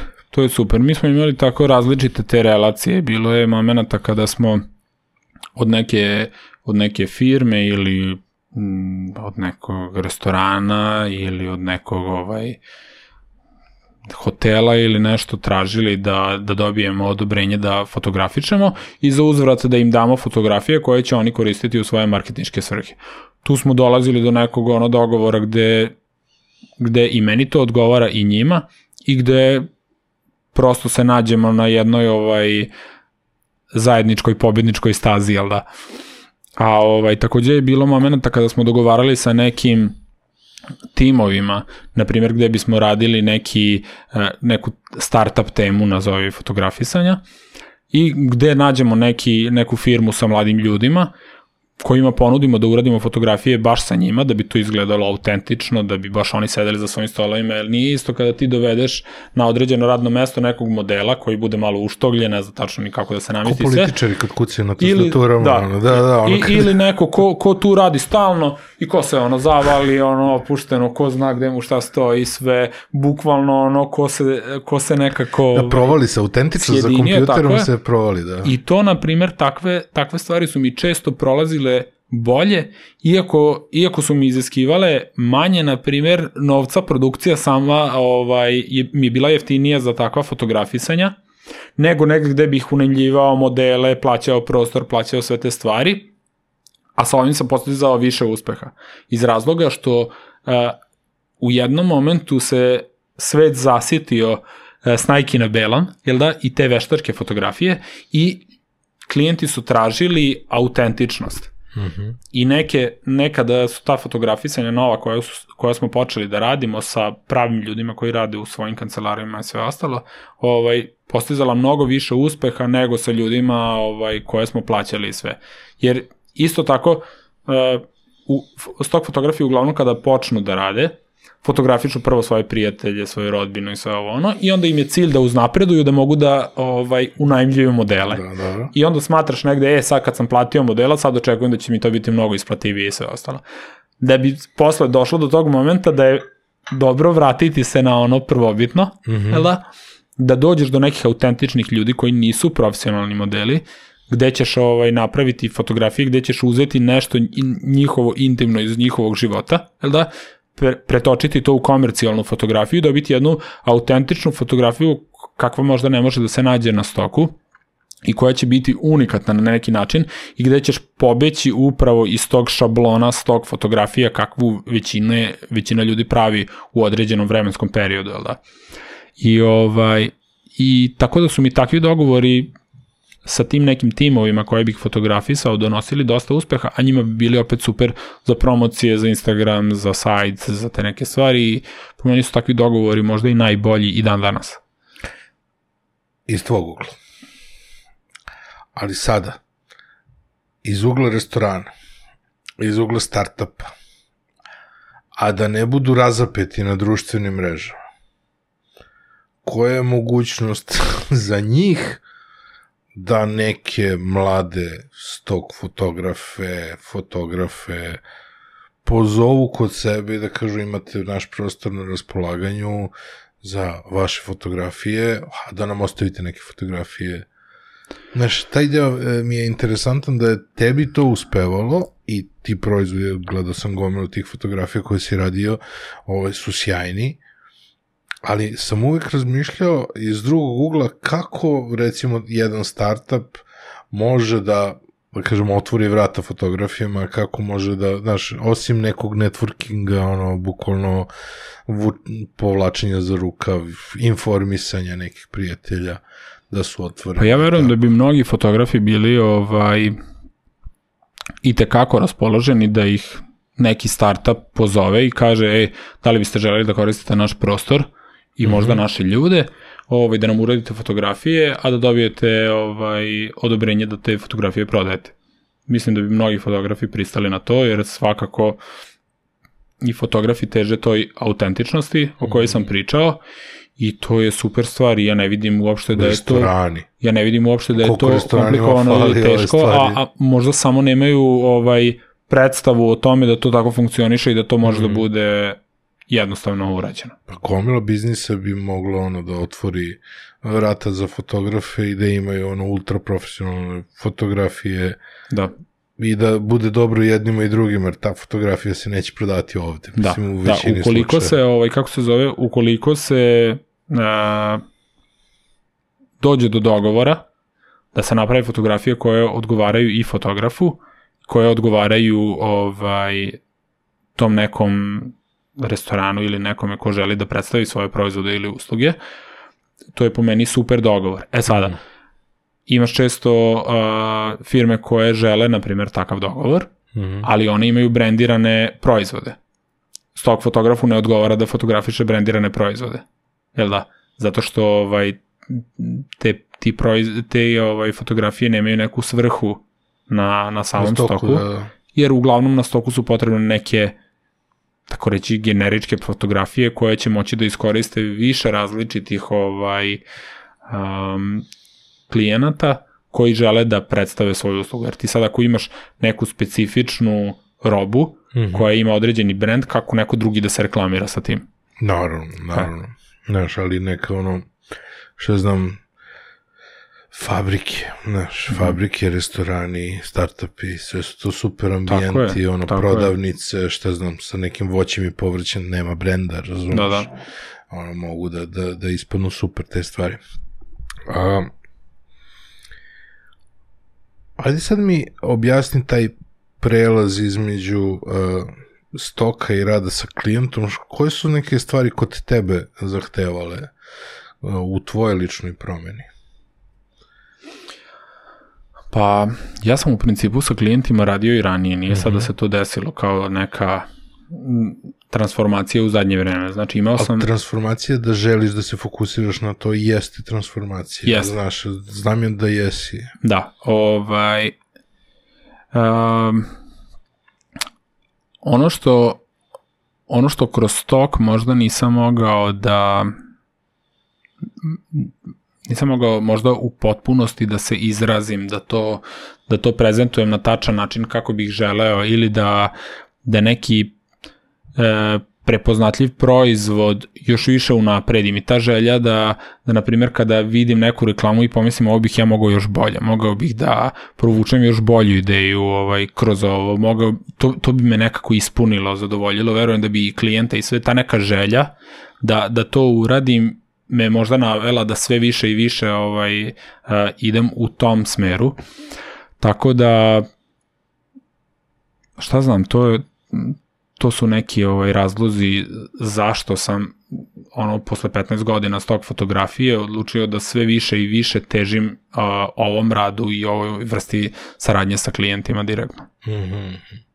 Ovaj, još jedna stvar, znači koja mi je zanimljiva vezano, to jest um, još jedna prednost rada sa klijentima jeste kada, kada ti napraviš plan neki sa njima Mhm.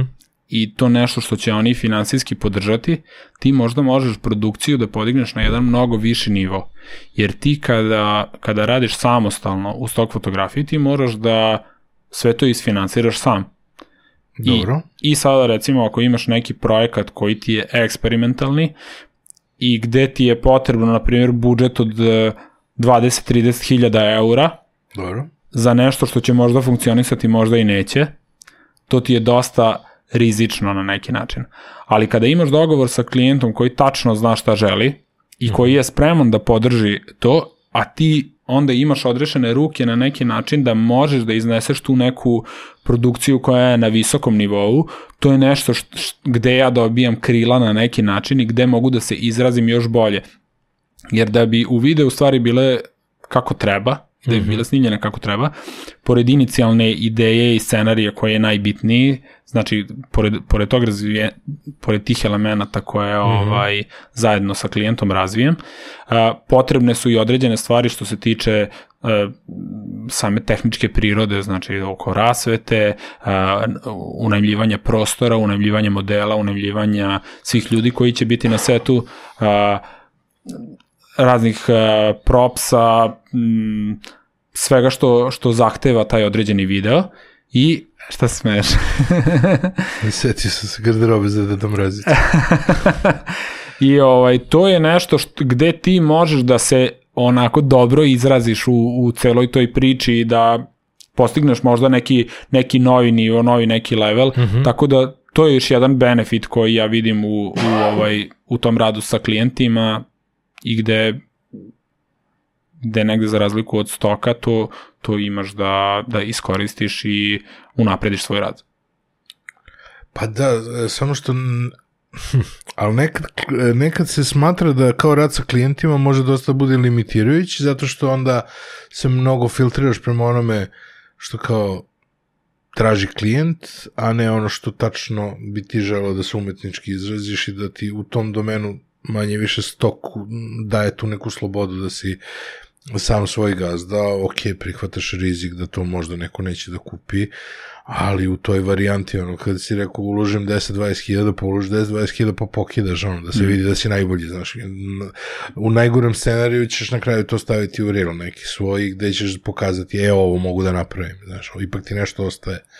Znaš, e, dosta je bilo tih, bilo tih nekih varijanti na, na domaćem tržištu gde se gomila kreativaca sa kojima sam ja pričao pričao o tome kao, ma da, kao imali smo super ideju, ali kao klijent iskasapio sve. Mhm.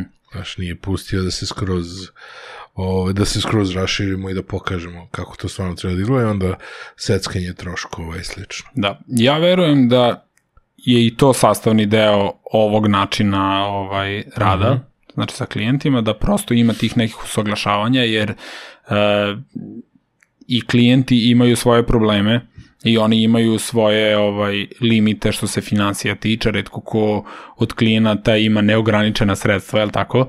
I ovaj, ali ja verujem da vremenom, kada, kada gradiš jedan odnos sa klijentom, i ukoliko to radiš kako treba, mm -hmm. a, klijenti stiču poverenje u tebe i vremenom ti imaš sve više i više a, odrešene ruke na neki način i dobijaš sve više njihovog i poverenja i na neki način i sredstava finansijskih ili da koje ti povere ovaj da bi napravio to nešto za njih ukoliko oni vide zaista da ti njima donosiš određenu vrednost mm. sa tim kampanjama koje zajedno radite tako da ja verujem da ovaj put kojim sam krenuo da će sigurno dovesti do tog momenta da dođem do tih idealnih scenarija gde ću moći da sprovedem potpuno svoje ideje na neki svoj način kako želim, sa ciljem naravno da klijentu proizvode i usluge što bolje predstavim. Mm -hmm. A kako gledaš sada, ok, ti sve vreme govoriš o, o recimo kvalitetu. Meni posljednjih godina recimo ne vidim a, neke preterane, tek kad bih se zagledao u neku reklamu, onda bih skapirao da li je domaća produkcija ili je strana, dok je recimo ono, 90-ih bilo iz aviona vidljivo da li je nešto strana produkcija ili domaća, još ono, kad su počeli satelitske antene, ono, kad su počeli da gledamo kakve su to neke zapadne reklame, baš je bilo onako evidentna razlika i onda kad su krenule, prvo, prvo je krenulo kao dobiješ reklamu, verovatno iz inostranstva, neka velika marketing agencija, pa je prepakuje na srpski i ostalo, a, ove, a sada se bukvalno ta, ta razlika više ne vidi, jer postoji kvalitativna razlika više Pa u principu kod nas sada ima vrhunskih reklama.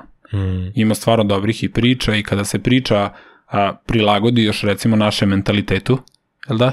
I kada to uradi neka dobra produkcija koja, koja ima o, ovaj dobre i velike budžete koji su neophodni da bi se uradila dobra reklama i da bi se dobra ideja ispoljila na najbolji mogući način, zato što sve te ekipe koje tu dolaze, sva ta oprema, sve to košta Hmm. i ovaj i ja verujem da naši, naše produkcije mogu da stanu ovaj, lagano rame uz rame sa nekim stranim produkcijama u današnje vreme, jer stvarno ima vrhunskih reklama kod nas i vrhunskih ovaj, a, umetnika koji mogu to da iznesu baš, baš onako na jedan dobar i kvalitetan način. Pa da, i gomila i ovih iz serije i filmova se snima. Tako je. to je sad bukvalno, nemaš Jeste. više ono, ne možeš da kažeš da li je nešto Da. B produkcija, više ne postoji B tehnički, produkcija. tehnički to, ovaj, to sve sad može da se izvede da izgleda onako, ali ono što sam rekao, suštinski je najbitnije da je sama ideja dobra. Znači, ukoliko imamo, evo, evo svi znamo da, na primjer, postoje filmovi gde ćemo vidjeti impresivne pokrete kamera, vrhunsku rasetu, sve vrhunsko, a film ti je ono, pogledaš ga i ne bi ga više gledao. Dok postoje filmovi koji nisu imali neki preogroman budžet i nisu rađeni sa nekim specijalnim efektima i sve ovo ono, pa bi mogao sto puta pogledati taj film. Mhm. E, to je ono gde, gde od te polazne tačke ovaj, treba da krenemo i da sagledamo tu osnovnu ideju i dijalog je i sve što se nalazi u samom startu i to ako se dobro razvije, onda je ta tehnička nadgradnja samo dobrodošla i samo plus Mhm. za sve to. Ali ukoliko nemamo tu osnovu kako treba, džaba sve ovo ostalo. Ono može da ukrasi na neki način, ali može da promaši taj neki cilj. Znači, ta dva, kada se ukombinuju kako treba, onda dobijemo jedan ovaj vrhunski proizvod koji ovaj, ja verujem da svaki, svaki klijent želi i svako želi da pogleda kao krajnji korisnik. A koje su to neke kvalitativne stvari koje bi ti voleo da, da unaprediš kod sebe u videu? Jer imam utisak da je tvoja produkcija za mene lajka para, bar sa hollywoodskom. Ne, pa ima tu još ovaj još dosta dosta stvari koje mogu da se unaprede i dosta ideja ti kada kada kreneš da razmišljaš, na primjer šta bi sve mogao da mm. uradiš i kako bi mogao, tu postoji sada brdo nekih stvari koje ja još nisam prešao i koji su tek predavnom i koji su mi i izazovi na neki način i to me upravo i uzbuđuje u celoj priči i to je ono zbog čega želim da krenem na taj put. Ovaj, od kretanja kamere, od nekih ovaj, dobrih okruženja, od uklapanja toga svega, postprodukcije, razgovora sa glumcima, dočaravanja nekog humora i nečega što ja, što ja volim recimo da primenim u videu, da iskazivanja te neke priče na najbolji način i to da bude u tim vrhunskim ovaj, okruženjima urađeno, isprovedeno ono tačno kako ja to zamišljam i da izazovem tu neku a, emociju zadovoljstva kod osobe koja je to pogledala mm -hmm. i koja bi to možda želela da podeli i sve, to je ono što, što će mi biti negde dokaz da sam uspešno obavio posao i to je ono ka čemu stremim. Mm -hmm. A koliko je teško rebrandirati se u tako dodatni segment? Znači, koliko uh, gubiš na identitetu fotografa kada hoćeš da budeš videograf, kada hoćeš da se bavi no, za 3D sam nekako doživao kao nešto što je komplementarno, što si dogradio na kraju finalni proizvod opet bila fotografija ili video. Znaš, koliko to doživljaš kao izazov? Pa, upravo sam radio na tome da da pokušam da se ne identifikujem zato što sam to video da to zna da mi bude blokada. Mm. Kada recimo ovaj, kažem sebi, e, neću ja ovaj, da zalazim u ovo, ja sam ipak fotograf. E, neću da zalazim u ovo, ja sam ipak fotograf. Zbog čega ne bih se proširio? Zbog čega uopšte sebe ovaj, e, identifikovati kao kao tako specijalistu za nešto. Mm -hmm. U mom slučaju, ne kažem da, da to kod nekoga nije dobra stvar, ali u mom slučaju uh, biti fotograf ili videograf su, su slične i povezane stvari, Znači, samo si tu neku fotografiju produžio za nekoliko ovaj, sekvenci, jel da? Mm -hmm. I napravio ono neki pokret koji će izgledati još malo bolje. Kad bih mogao sve to da, da obavijem u jednu reč ili, ili u jednu profesiju, onda bih to uradio i ovaj, da bih mogao da se nazovem tim jednim imenom. A vezano za kvalitet, uh, pošto imam utisak da sa jedne strane profesionalci guraju kvalitet u, ono, do svojih maksimuma i onda se pojavljuju, pojavljuje maksimalna demokratizacija fot, fotografija i videa sa telefonima gde svako ima ono kameru kakvu smo sanjali ono profesionalnu u džepu gde sve može da se zabeleži, sve može da se snimi, da je sad došlo i do demokratizacije montaže videa na telefonima, gde svako može da kreira ono TikTok video, pa je video odjedan put ono, da li video treba da bude horizontalan ili vertikalan, čuveno pitanje, i mlađe generacije unose tu, znaš, ono, kao ulaze nogom i sve uništavaju ispred sebe po, po nekima. Kako na to gledaš? Pa znaš kako, ja, ja sam i dalje ovaj, pristalica toga da je inicijalno a, ideja najbitnija i da ti i sa telefonom možeš napraviti vrhunski video koji ne kažem da bi ovaj da ne bi mogao biti još bolji ako bi se ta ideja uh mhm. -huh. a, realizovala sa nekom još boljom opremom. Samo što ti recimo sa te, tebi mobilni telefon će negde olakšati da pristupiš nekim mestima, da, da instant nešto snimiš, da, da ne moraš da nosiš ovolku kameru sa gomilom baterija, nastavaka i sve ostalo negde gde ti treba 3 sata pripreme da, da uopšte počneš da snimaš. Mm -hmm. Znači u tom smislu je telefon super stvar. Ali ukoliko želiš nešto da izgradiš što će biti veliko na vrhunskom nivou, definitivno se nećeš ovaj, zadovoljiti sa kvalitetom koji izbacuje jedan telefon koji, iako je dosta dobar, daleko je to od onoga šta ti pruža profesionalna filmska kamera i mogućnosti koje ti ta kamera pruža ukoliko imaš uslove da nešto napraviš sa njom. ukoliko ti je potrebno. Jer imaš često situacije da su nekada dovoljno dobri za, za određenu primenu, dovoljno dobri snimci i sa svega toga. Pa dobro, to je tačno. Znaš, To je tačno, ali to je, to je tako u, u, u svemu. znaš, i onda baš bukvalno imaš ono osjećaj kao da li za, za onih kao 2-3% da bude fenomenalno se isplati promena od 50% budžeta. Pa dobro, to je, to je pitanje, ovaj, to je pitanje za konkretnu situaciju i za konkretnu ekipu. Da, da, svaki put treba da Ovaj, analiziraš. Ti, ti kada uđeš, kada uđeš u tu ovaj, zečiju rupu, jel da? Da, da, da, totalno. ti zalaziš sve dublje i dublje, ali to je, to je ono upravo što nas definiše uh, onim što jesmo, je tako? Znači, ti možeš da budeš neko ko će da, da fotografiše i da se ograniči na taj određeni kvalitet, recimo koji će ti izbaciti jedan telefon, ali možda bi ti hteo da kada snimaš negde a, prema suncu da dobiješ taj malo drugačiji neki šmek, da lice možda izgleda malo drugačije, da imaš taj neki drugi objektiv koji će, koji će ono doprineti da, ovaj, da to izgleda nešto drugačije, bolje, Da da, možda u tebi, tako je, da taj mikrofon možda bude malo bliže ustima, da se to čuje nekako izolovano drugačije. I svi ti elementi kasnije ih nadograđuješ kako se navikneš na jednu mm. stvar, hoćeš nešto bolje što će ovaj, još izazvati neke nove emocije, neke nova čula će pokrenuti i sve. I tako ulaziš sve dublje i dublje u to i zato ljudi, ja mislim, koji se profesionalno bavaju time idu ka sve boljim kamerama, boljoj opremi, boljoj rasveti i svemu tome i na kraju dolaze do proizvoda koji postaju e, remek dela i koji ja, budu prepoznatljiva na neki način. A ovo negiranje kvaliteta od strane mlađe generacije, kako na to gledaš?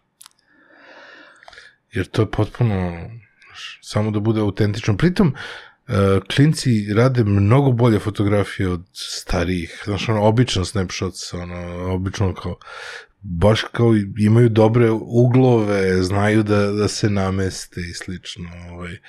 Ta nova generacija na neki način je definisala nove trendove.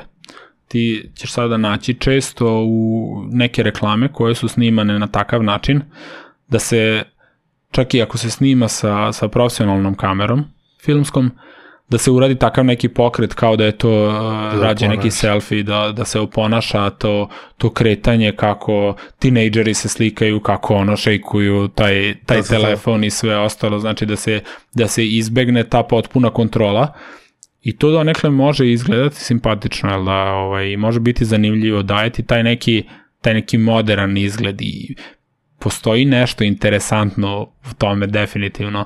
Ne kažem da je to uvek sjajno, ali može da bude ovaj super i sve veće kompanije a, često primenjuju upravo to i prihvataju prihvataju taj novi talas koji ovaj nadolazi od mladih i koriste to u svojim kampanjama, čak izbacuju nekada a, preko celog ekrana izbace samo srednji deo koji je kao vertikalni format da bi potpuno izgledalo kao, Aha. kao snimljeno sa telefonom, iako se snima sa, sa ovaj, velikim kamerama Sa profi. da bi, da bi imali što bolju kontrolu nad svetlom i nad tim svim stvarima, ali i dalje pokušavaju da oponašaju to, jer se to negde smatra kao nečim modernim i uopšte u zavisnosti od toga kojim je ciljna grupa, ali tako se i oni više približavaju ovaj, uh, mladima. Evo, na primjer, ja sam imao situaciju kao neko ko se bavi fotografijom i ko je sebe smatrao da mogu da napravim sjajne fotografije i sebi, i prijateljima i sve ostalo,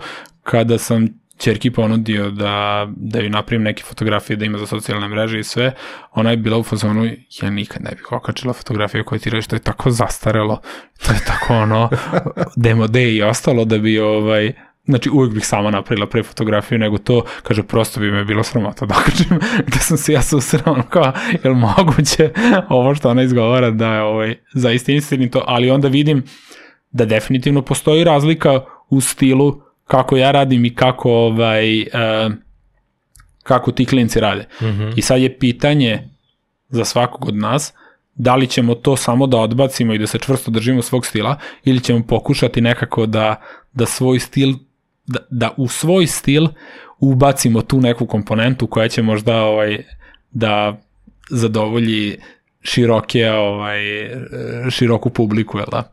Da.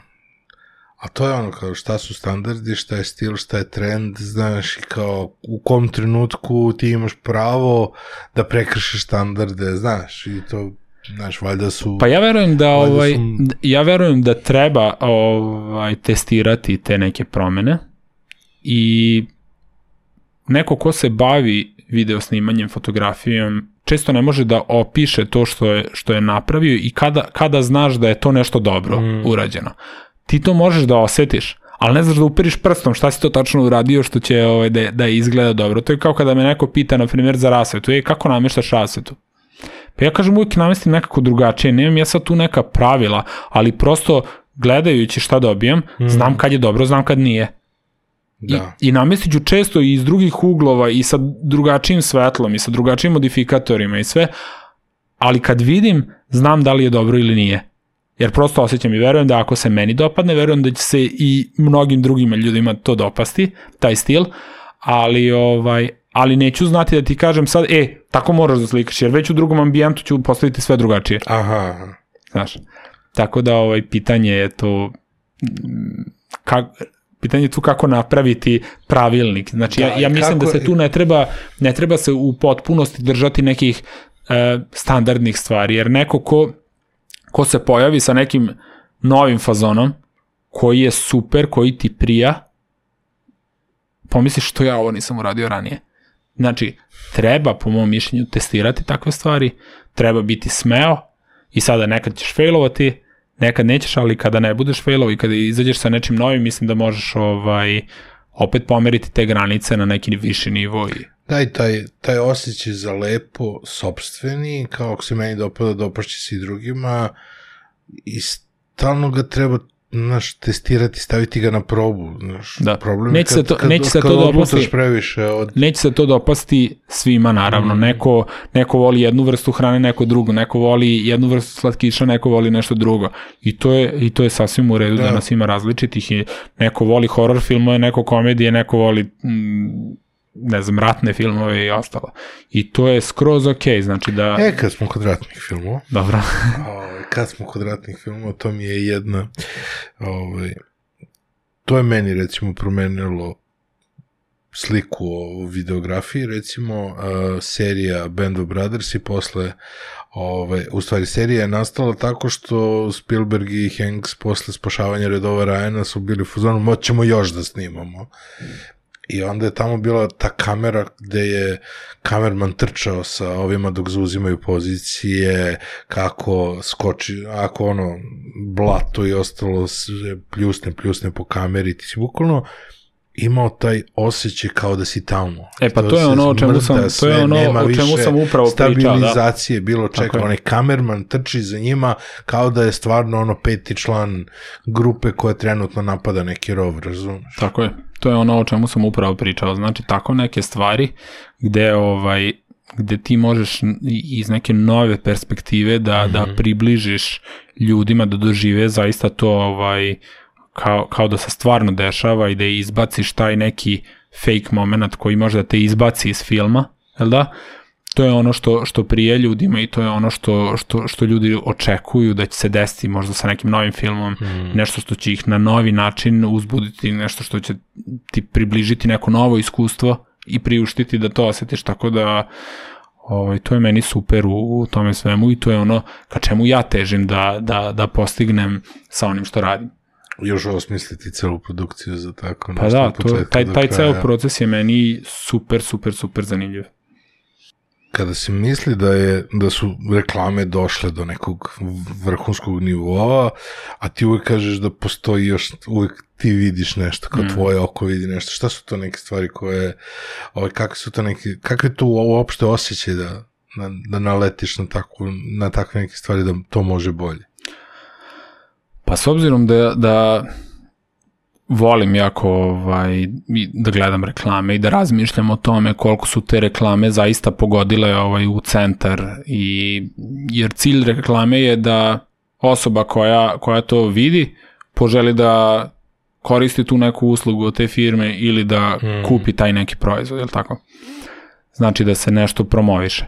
E sada, a, produkcije često razmišljaju o, o tim nekim tehničkim karakteristikama, da to sve tehnički izgleda dobro i zanemaruju a, razvoj scenarija da dođe do nekog vrhunskog nivoa. I često pomislim kad gledam reklame, ovo je moglo da bude bolje mogli su da, da, da ovaj glumac odglumi bolje ili da, da ovaj kaže neku rečenicu bolje ili da je ta interakcija ili dijalog bolji, da, da to izazove u, u samom posmatraču te reklame da kaže kako je ovo dobro, ovo moram da podelim. Ovo moram da podelim sa drugim, ovo mi je vrhunska fora ili odličan moment. E, mislim da treba posvetiti više vremena ovaj razvoju te inicijalne ideje i da se to iznese na taj neki viši, bolji nivo i sve da, da, da izgleda onako da zaista u tebi probudi neku dobru emociju, da probudi nešto, da, da poželiš taj proizvod, da poželiš tu uslugu, da poželiš da budeš taj neko ko u reklami koristi tu uslugu. Mislim da je to glavni cilj ovaj, kvalitetnog advertisinga i kvalitetne jedne kampanje i sve i nekako često pomislim dok gledam različite reklame da bih ja to mogao bolje. I to ću gledati u, u narednom periodu i da dokažem upravo kroz rad sa klijentima i rad na... A misliš da klijenti to gledaju tako da su u fazonu ko je ovo radio, kao baš bih volao da radi iza mene? Da, pa... Ima tog efekta? Pa ja verujem, klijenat. ja verujem da postoji to. Aha. Ja verujem da postoji to i ovaj klijenti generalno kada, kada žele nešto da ispromovišu, mislim da nemaju uvek jasnu viziju šta oni žele. Mislim, svi oni žele da podignu brojke na viši nivo. Naravno. Tako? E, I sada oni se, oni se, oni se tebi ovaj obrate kao produkciji koja će verovatno da reši njihove probleme. Mm. I oni tebi donekle povere stvari. I ti moraš u razgovoru sa klijentom da budeš na neki način i psiholog. Znači da pročitaš njihove želje, da, da, da shvatiš njihova uverenja, jer oni pričaju sa tobom i oni nisu potpuno sigurni, pogotovo ukoliko je to novi klijent za produkciju. Mm. Ovaj, oni nisu sigurni šta će, ovaj, šta će dobiti od tebe, a daju ti suvi keš za to. I sada oni to negde treba da opravdaju i onda oni ulaze sa tim, e, ali molim taj da pazimo na ovo, pazimo na ovo, pazimo na ovo, a produkcija onda kaže, e, da moramo da ispratimo šta sve ovaj, su oni rekli da pazimo i sve i onda tu negde u toj komunikaciji dođe do, do nekog scenarija koji je onakav ili ovakav. Uh, ja kad razgovaram sa klijentom, gledam da, da što, vi, što bolje probam da im predstavim svoju viziju, mm. da mi poveruju u to i da onda iznesem stvari najviše onako kako ja želim i na kraju da dobijemo odličan efekat i odličnu neku reklamu i da uradimo stvari kako treba. Ja sam relativno nov u tome, imam iza sebe nekoliko klijenata svega, ali verujem da će u narednom periodu ili u narednih par godina biti mnogo više ovaj, toga i da ću moći nekako da izrazim sve to što želim i, i, i to što sam zamislio i što sam rekao da ću zaista i opravdati svojim nekim radom i nadam se da ću dobiti poverenje od klijenata da to i pokažem da možemo da napravimo te neke kampanje koje će biti uspešne, koje će biti interesantne ljudima da pogledaju, podele, da se nasmeju, zabave u sve, tako? To je neki cilj. A ti kažeš da, znači, ti sve vreme govoriš o tome kako ti to još nešto, još nešto, još nešto, znaš, dodaješ priča koju ja hoću da ti ispričaš, ti sve vreme misliš da je off topic, a zapravo je tvoja srž, razumeš? Dobro. To je priča koju si ti meni ispričao o Airbnb-u da si pomagao se podesi Airbnb i ono čuveno priča o dva krosana, ono koje su bila sveža i kako su ta dva krosana kako ide? Pa ne, ništa, da, ovaj, da. Ovaj... E, samo ispričaj, a onda želim da ti kažem zašto ja mislim da je taj kontekst važan. Da. Hajde, evo, ispričat ću na tvoj nagovor.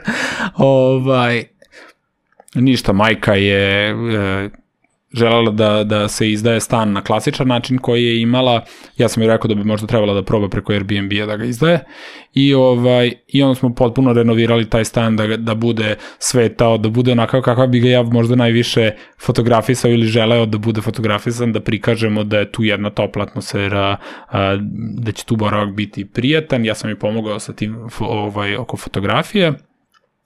Između ostalog, ovaj, postavili smo, na primer, e, da, da u cenu najma tog prostora a, osoba dobije dva, tri kroasana na stolu sveža i da dobije neka pića koja će biti u frižideru. I sada ljudi nisu navikli na takve stvari da se to dobija gratis, zato što uglavnom uz Airbnb dobiješ samo stan i prenoćiš, jel da?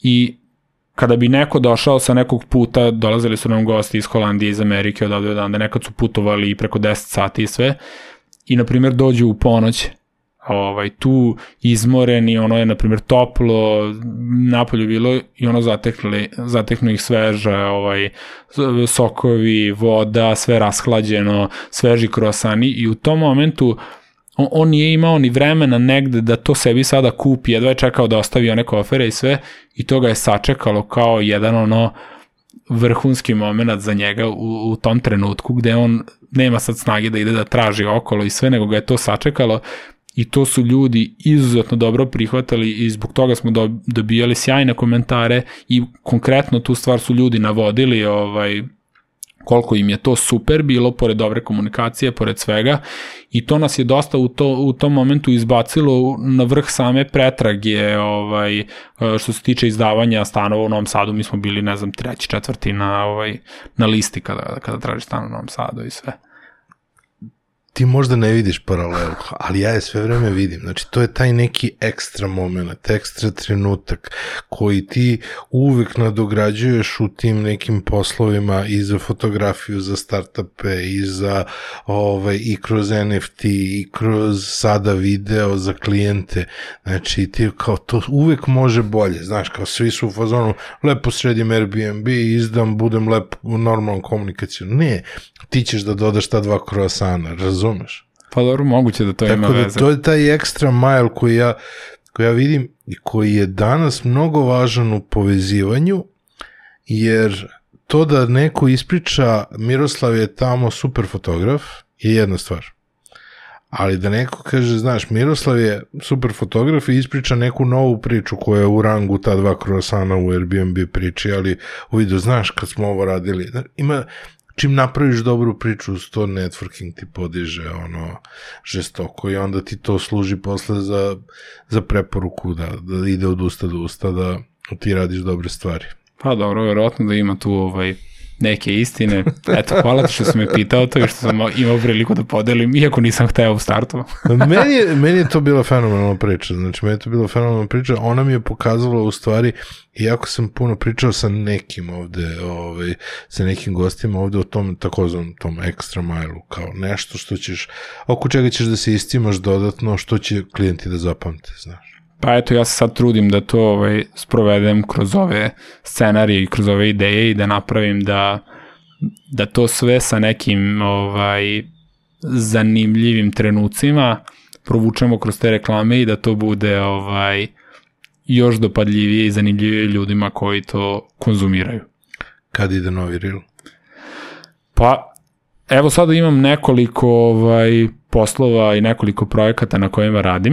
Uh mhm. -huh i na kraju godine ću sklopiti sve te najzanimljivije stvari koje, ovaj, koje sam radio tokom ove 2023. godine i nadam se da će to biti onako fino osveženje i fino ovaj fin pokazatelj šta je to što sam do sada ovaj uradio i koliko sam uznapredovao u odnosu na prethodnu godinu i prethodni period kada sam izbacio prethodne stvari i uvek eh, dobijanjem tih nekih novih projekata imam mogućnost da pokažem šta sam još ovaj a, spreman da uradim, šta mogu da napravim i sve i nadam se da će to biti na sve višem i višem nivou ovaj, kako budem imao i više iskustva i više prilike da se dokaže. U vrstu si ispričao svoj početak, to je onako obeležilo i moj život, jer je, znaš, zbog tvoje priče i zbog priče ovih nekih ljudi tamo je vršac nazva najinspirativnijom konferencijom, znaš, i sad mnogo mi je nekako lepo sad sa celom ovom pričom ukupnom da ti postavim pitanje ono kao kako, kako se osjećaš na celom tom putu, razumeš? Kakav je osjećaj sada setiti se tih početaka? Šta bi uradio drugačije? Pa... Da li bi što uradio drugačije? Pa ja mislim da ne bih. Ovaj, prosto sam negde ponosan uh, na taj moment da u momentima kada je bilo prilično teško Mhm. i kada bi se neko grčevito držao svog, um, svog nekog stalnog posla i stalnog prihoda koji je, koji je zaista ono važan u momentima kada kada ti je svaki dinar bitan i kada, kada recimo imaš problem i sa plaćanjem računa i sa uh, time da prehraniš porodicu i sve ostalo, znači tada ti je svaki dinar bitan, ja sam tada presekao jer sam znao da prosto nisam na dobrom putu sa, sa nekim uh, poslom koji sam tada radio i koji nije imao perspektivu, nego sam želeo da se prebacim u kreativu, da gradim sve od početka, što sam znao da će jednog dana doneti uh, benefit. To je u početku bilo teško, bilo je nezgodno, ali prosto uh, uspeo sam da preguram kako sam znao i umeo taj period neki, uh, dao sam sebi prostor da, da, da imam uh, svo vreme jednog dana, Mhm. da radim na tom svom cilju i pronalazio sam zadovoljstvo upravo u kreiranju zanimljivih sadržaja onoga što mi se dopadalo. I to je ubrzano nekako doprinelo da, da dođem i da, preva, da pređem čak ovaj, a, taj moment koliko sam zarađivao sa nekim običnim poslom koji sam radio pre toga i da to umnogostručim u, u jednom momentu i da pređem na taj moment da, da mogu lagodno da živim od, od tog puta koji sam izabrao novi, u koji sam verovao, koji nije postojao u momentu kada sam kretao, jer tako, Mm. gde nije, gde nije postojao ni nije postojala ni povratna informacija da sam ja dobar u tom nečemu, nisu postojali radovi koji će pokazati šta sam ja ovaj mogao da sve uradim i šta sam mogao da ispunim, jel da? I i, i iz tog nekog starta ni ti nisi siguran da potpuno veruješ u sebe, jel da? Da, da. Ti negde ti negde zamišljaš tu idealnu scenu, ali uvek se preispituješ da li je ovo pravi put, da li ću zaista uspeti ili neću i, i, i ti momenti su onako nezgodni. Sad sa ove tačke je gledam na, na to kao sa ponosom, jel da? Jer sam u, u teškom periodu uspeo da se izdignem iz situacije, da zagrebem krvnički, jel da? Mhm. I da uspem da se iščupam iz te neke rupe u kojoj bih se samo okretao u krug, jel da? Ali ti trenuci, ono, kada si u njima su, su ono, užasno bolni, ali izuzetno lepo kad gledaš u prošlosti, kada su Tako oni je. u prošlosti, kada Tako je, si... ti, pro, ti to kad gledaš u prošlost i Da. kada prepričavaš, ti možeš da Uf. oblikuješ tu priču da bude i simpatična i Da, ona. da. Međutim, kada si u tom momentu ovaj, to, i kada to proživljavaš trenutno i kada ti i, i ovi što hoće da ti seku račune dišu za vrat, jel da, onda je ovaj, to onako nije baš najprijatnije. U datom trenutku je baš onako, baš onako problematično.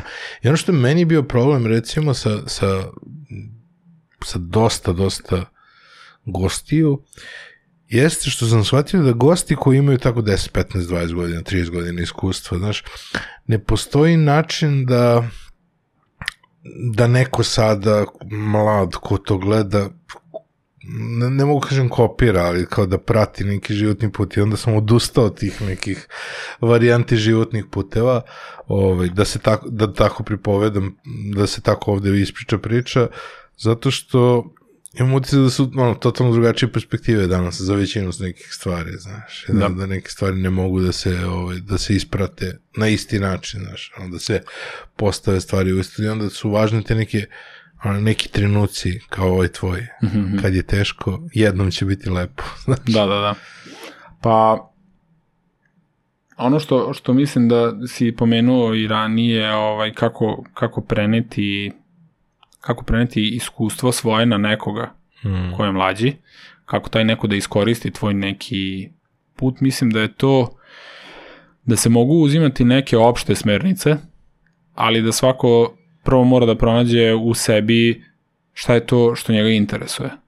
A, u današnje vreme kada postoji jako puno distrakcija, jako je teško da se neko fokusira na neke stvari. Kada vidiš da, da neko postigne a, uspeh tako što je a, tiktoker ili nešto i kada ti to postane role model, to zna da, da bude mač sa dve oštrice. Ne kažem da je nemoguće tako uspeti, ali za to moraš da imaš određene karakteristike, a, određene veštine Mm. i, i koje možda ti nemaš, ka, pričam sada u, u ime nekih mlađih osoba, koje možda ti ne poseduješ, gde se ti ne izražavaš kako se taj neko izražava i nećeš možda zaraditi a, to neko poverenje ili pažnju drugih koji će te posmatrati gde će to tebi da ovaj tebe to da izdigne i da te učini popularnim kao što su oni i malo je bez veze što u današnje vreme a, se najviše deca fokusiraju na upravo takve a, takve ljude. Ja ne kažem da je to loše, ali prosto nije jedino što se može dešavati. U današnje vreme redko ćeš čuti da je, da je neko ovaj, se posvetio tome da bude neki inženjer ili, ili metalostrugar ili nešto. Ali devojčice su žele da budu glumice. Dobro. Kod mene u školi. Dobro. Znaš, to je opet javna ličnost na nekom ekranu, na nekom mediju.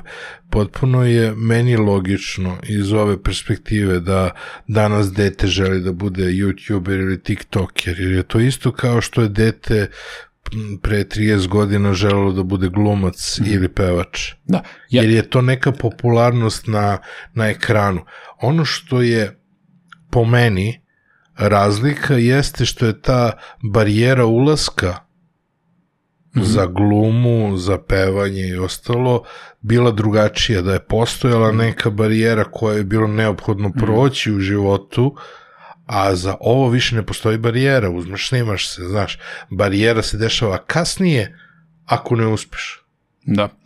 Moj neki utisak je da da upravo ta barijera koju se spomenuo koja je ranije postojala je na neki način uh, limitirala određene osobe da uopšte razmišljaju u tom pravcu.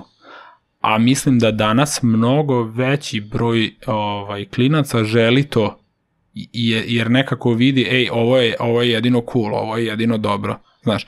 I ne vide da može nema toliko promocije toga da da ti možeš da budeš cool neko na CNC mašini ko će da napravi neki super proizvod koji će da bude ekstra atraktivan, znaš.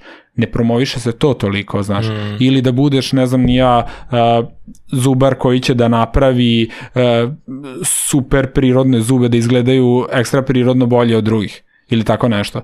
Znači, ne promoviše se toliko to. E sada, ne mogu nikoga okriviti za to. Prosto je tehnologija učinila svoje. To je tako mm, ono što mi možemo kao roditelji jeste da pričamo sa svojom mm. decom i da pokušamo da im pokažemo šta sve postoji i da im nagovestimo, a opet na njima je da se da plivaju tuda i da, da tim prostorom i da nauče kako će se snaći u ovom današnjem svetu koji je definitivno drugačiji od, od ovog našeg i pitanje da li ćemo mi tu zakazati ili ne, ne, jer mi smo navikli na jedan način života, mm. oni žive potpuno drugačijim načinom života, a, mi nismo imali telefone u rukama, oni imaju mm. kao mali, da, da je tad postojala tehnologija, verovatno bismo radili isto što je rade i oni sada, jel da? Tako da, kako će to ispati sa njima, vidjet ćemo, mi možemo da radimo najbolje što znamo i umemo da im prenesemo ovaj, ono što smatramo da je dobro i da je lepo, a na njima je da prelome šta to zaista jeste. I to je okej. Okay. Da, da im pokažemo neku širinu, pa nek tako sami je, biraju tako gde će da odu u dubinu. Tako je, tako je. Mm. Hvala ti puno. E, bilo mi je zadovoljstvo ovde časkati s tobom i spijati kafe. Eto. O, tako sam i zamislio da sedimo i da časkamo, pričamo o nekim novim stvarima. Uh, počet će valjda ta tradicija, ono, znaš, da nekako mi bude super, ono, znaš, ljudi dođu prvi put, pa onda kad već dođu drugi put, onda već znaju kako Eto, voleo bih, kako voleo bih naredni put ovde dođemo i da započnemo ovaj video sa jednim rilom, ono, dobrim. To, to, to. Ovo je komplet reklama nekih stigo, na koji sam ponosan. Eto. Pa, samo što to je onda problem za ove koji ne samo slušaju. Aha. Morao bi da prenosi šta se vidi.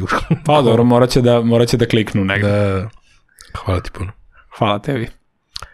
A vama hvala što ste gledali još jednu epizodu, još podcast 1. A ako ste Miroslavo publika, pogledajte neki drugi goste. Ukoliko ste ovde, ostavite nam neki share, like, subscribe, preporučite nas prijateljima, naročito onima koji ne gledaju više televiziju. Na kraju želim da se zahvalim našim sponsorima, to su Binska Afa, uz koju smo hoj pričali. Uz nju uh, Bins ponuda je u opisu ove epizode Scandinavian Design Center i moj Miroslav prijatelj Danilo je okupio jednu sjajnu grupu skandinavskih brendova pod jednim krovom ukoliko vam treba pomoć u opremanju uh, kancelarije poslovnog prostora pogledajte ponudu Scandinavian Design Center link je takođe u opisu ove epizode to je bilo to za ovu nedelju uh, slušamo se i gledamo sledećeg četvrtka Ćao, čao. Bye, bye.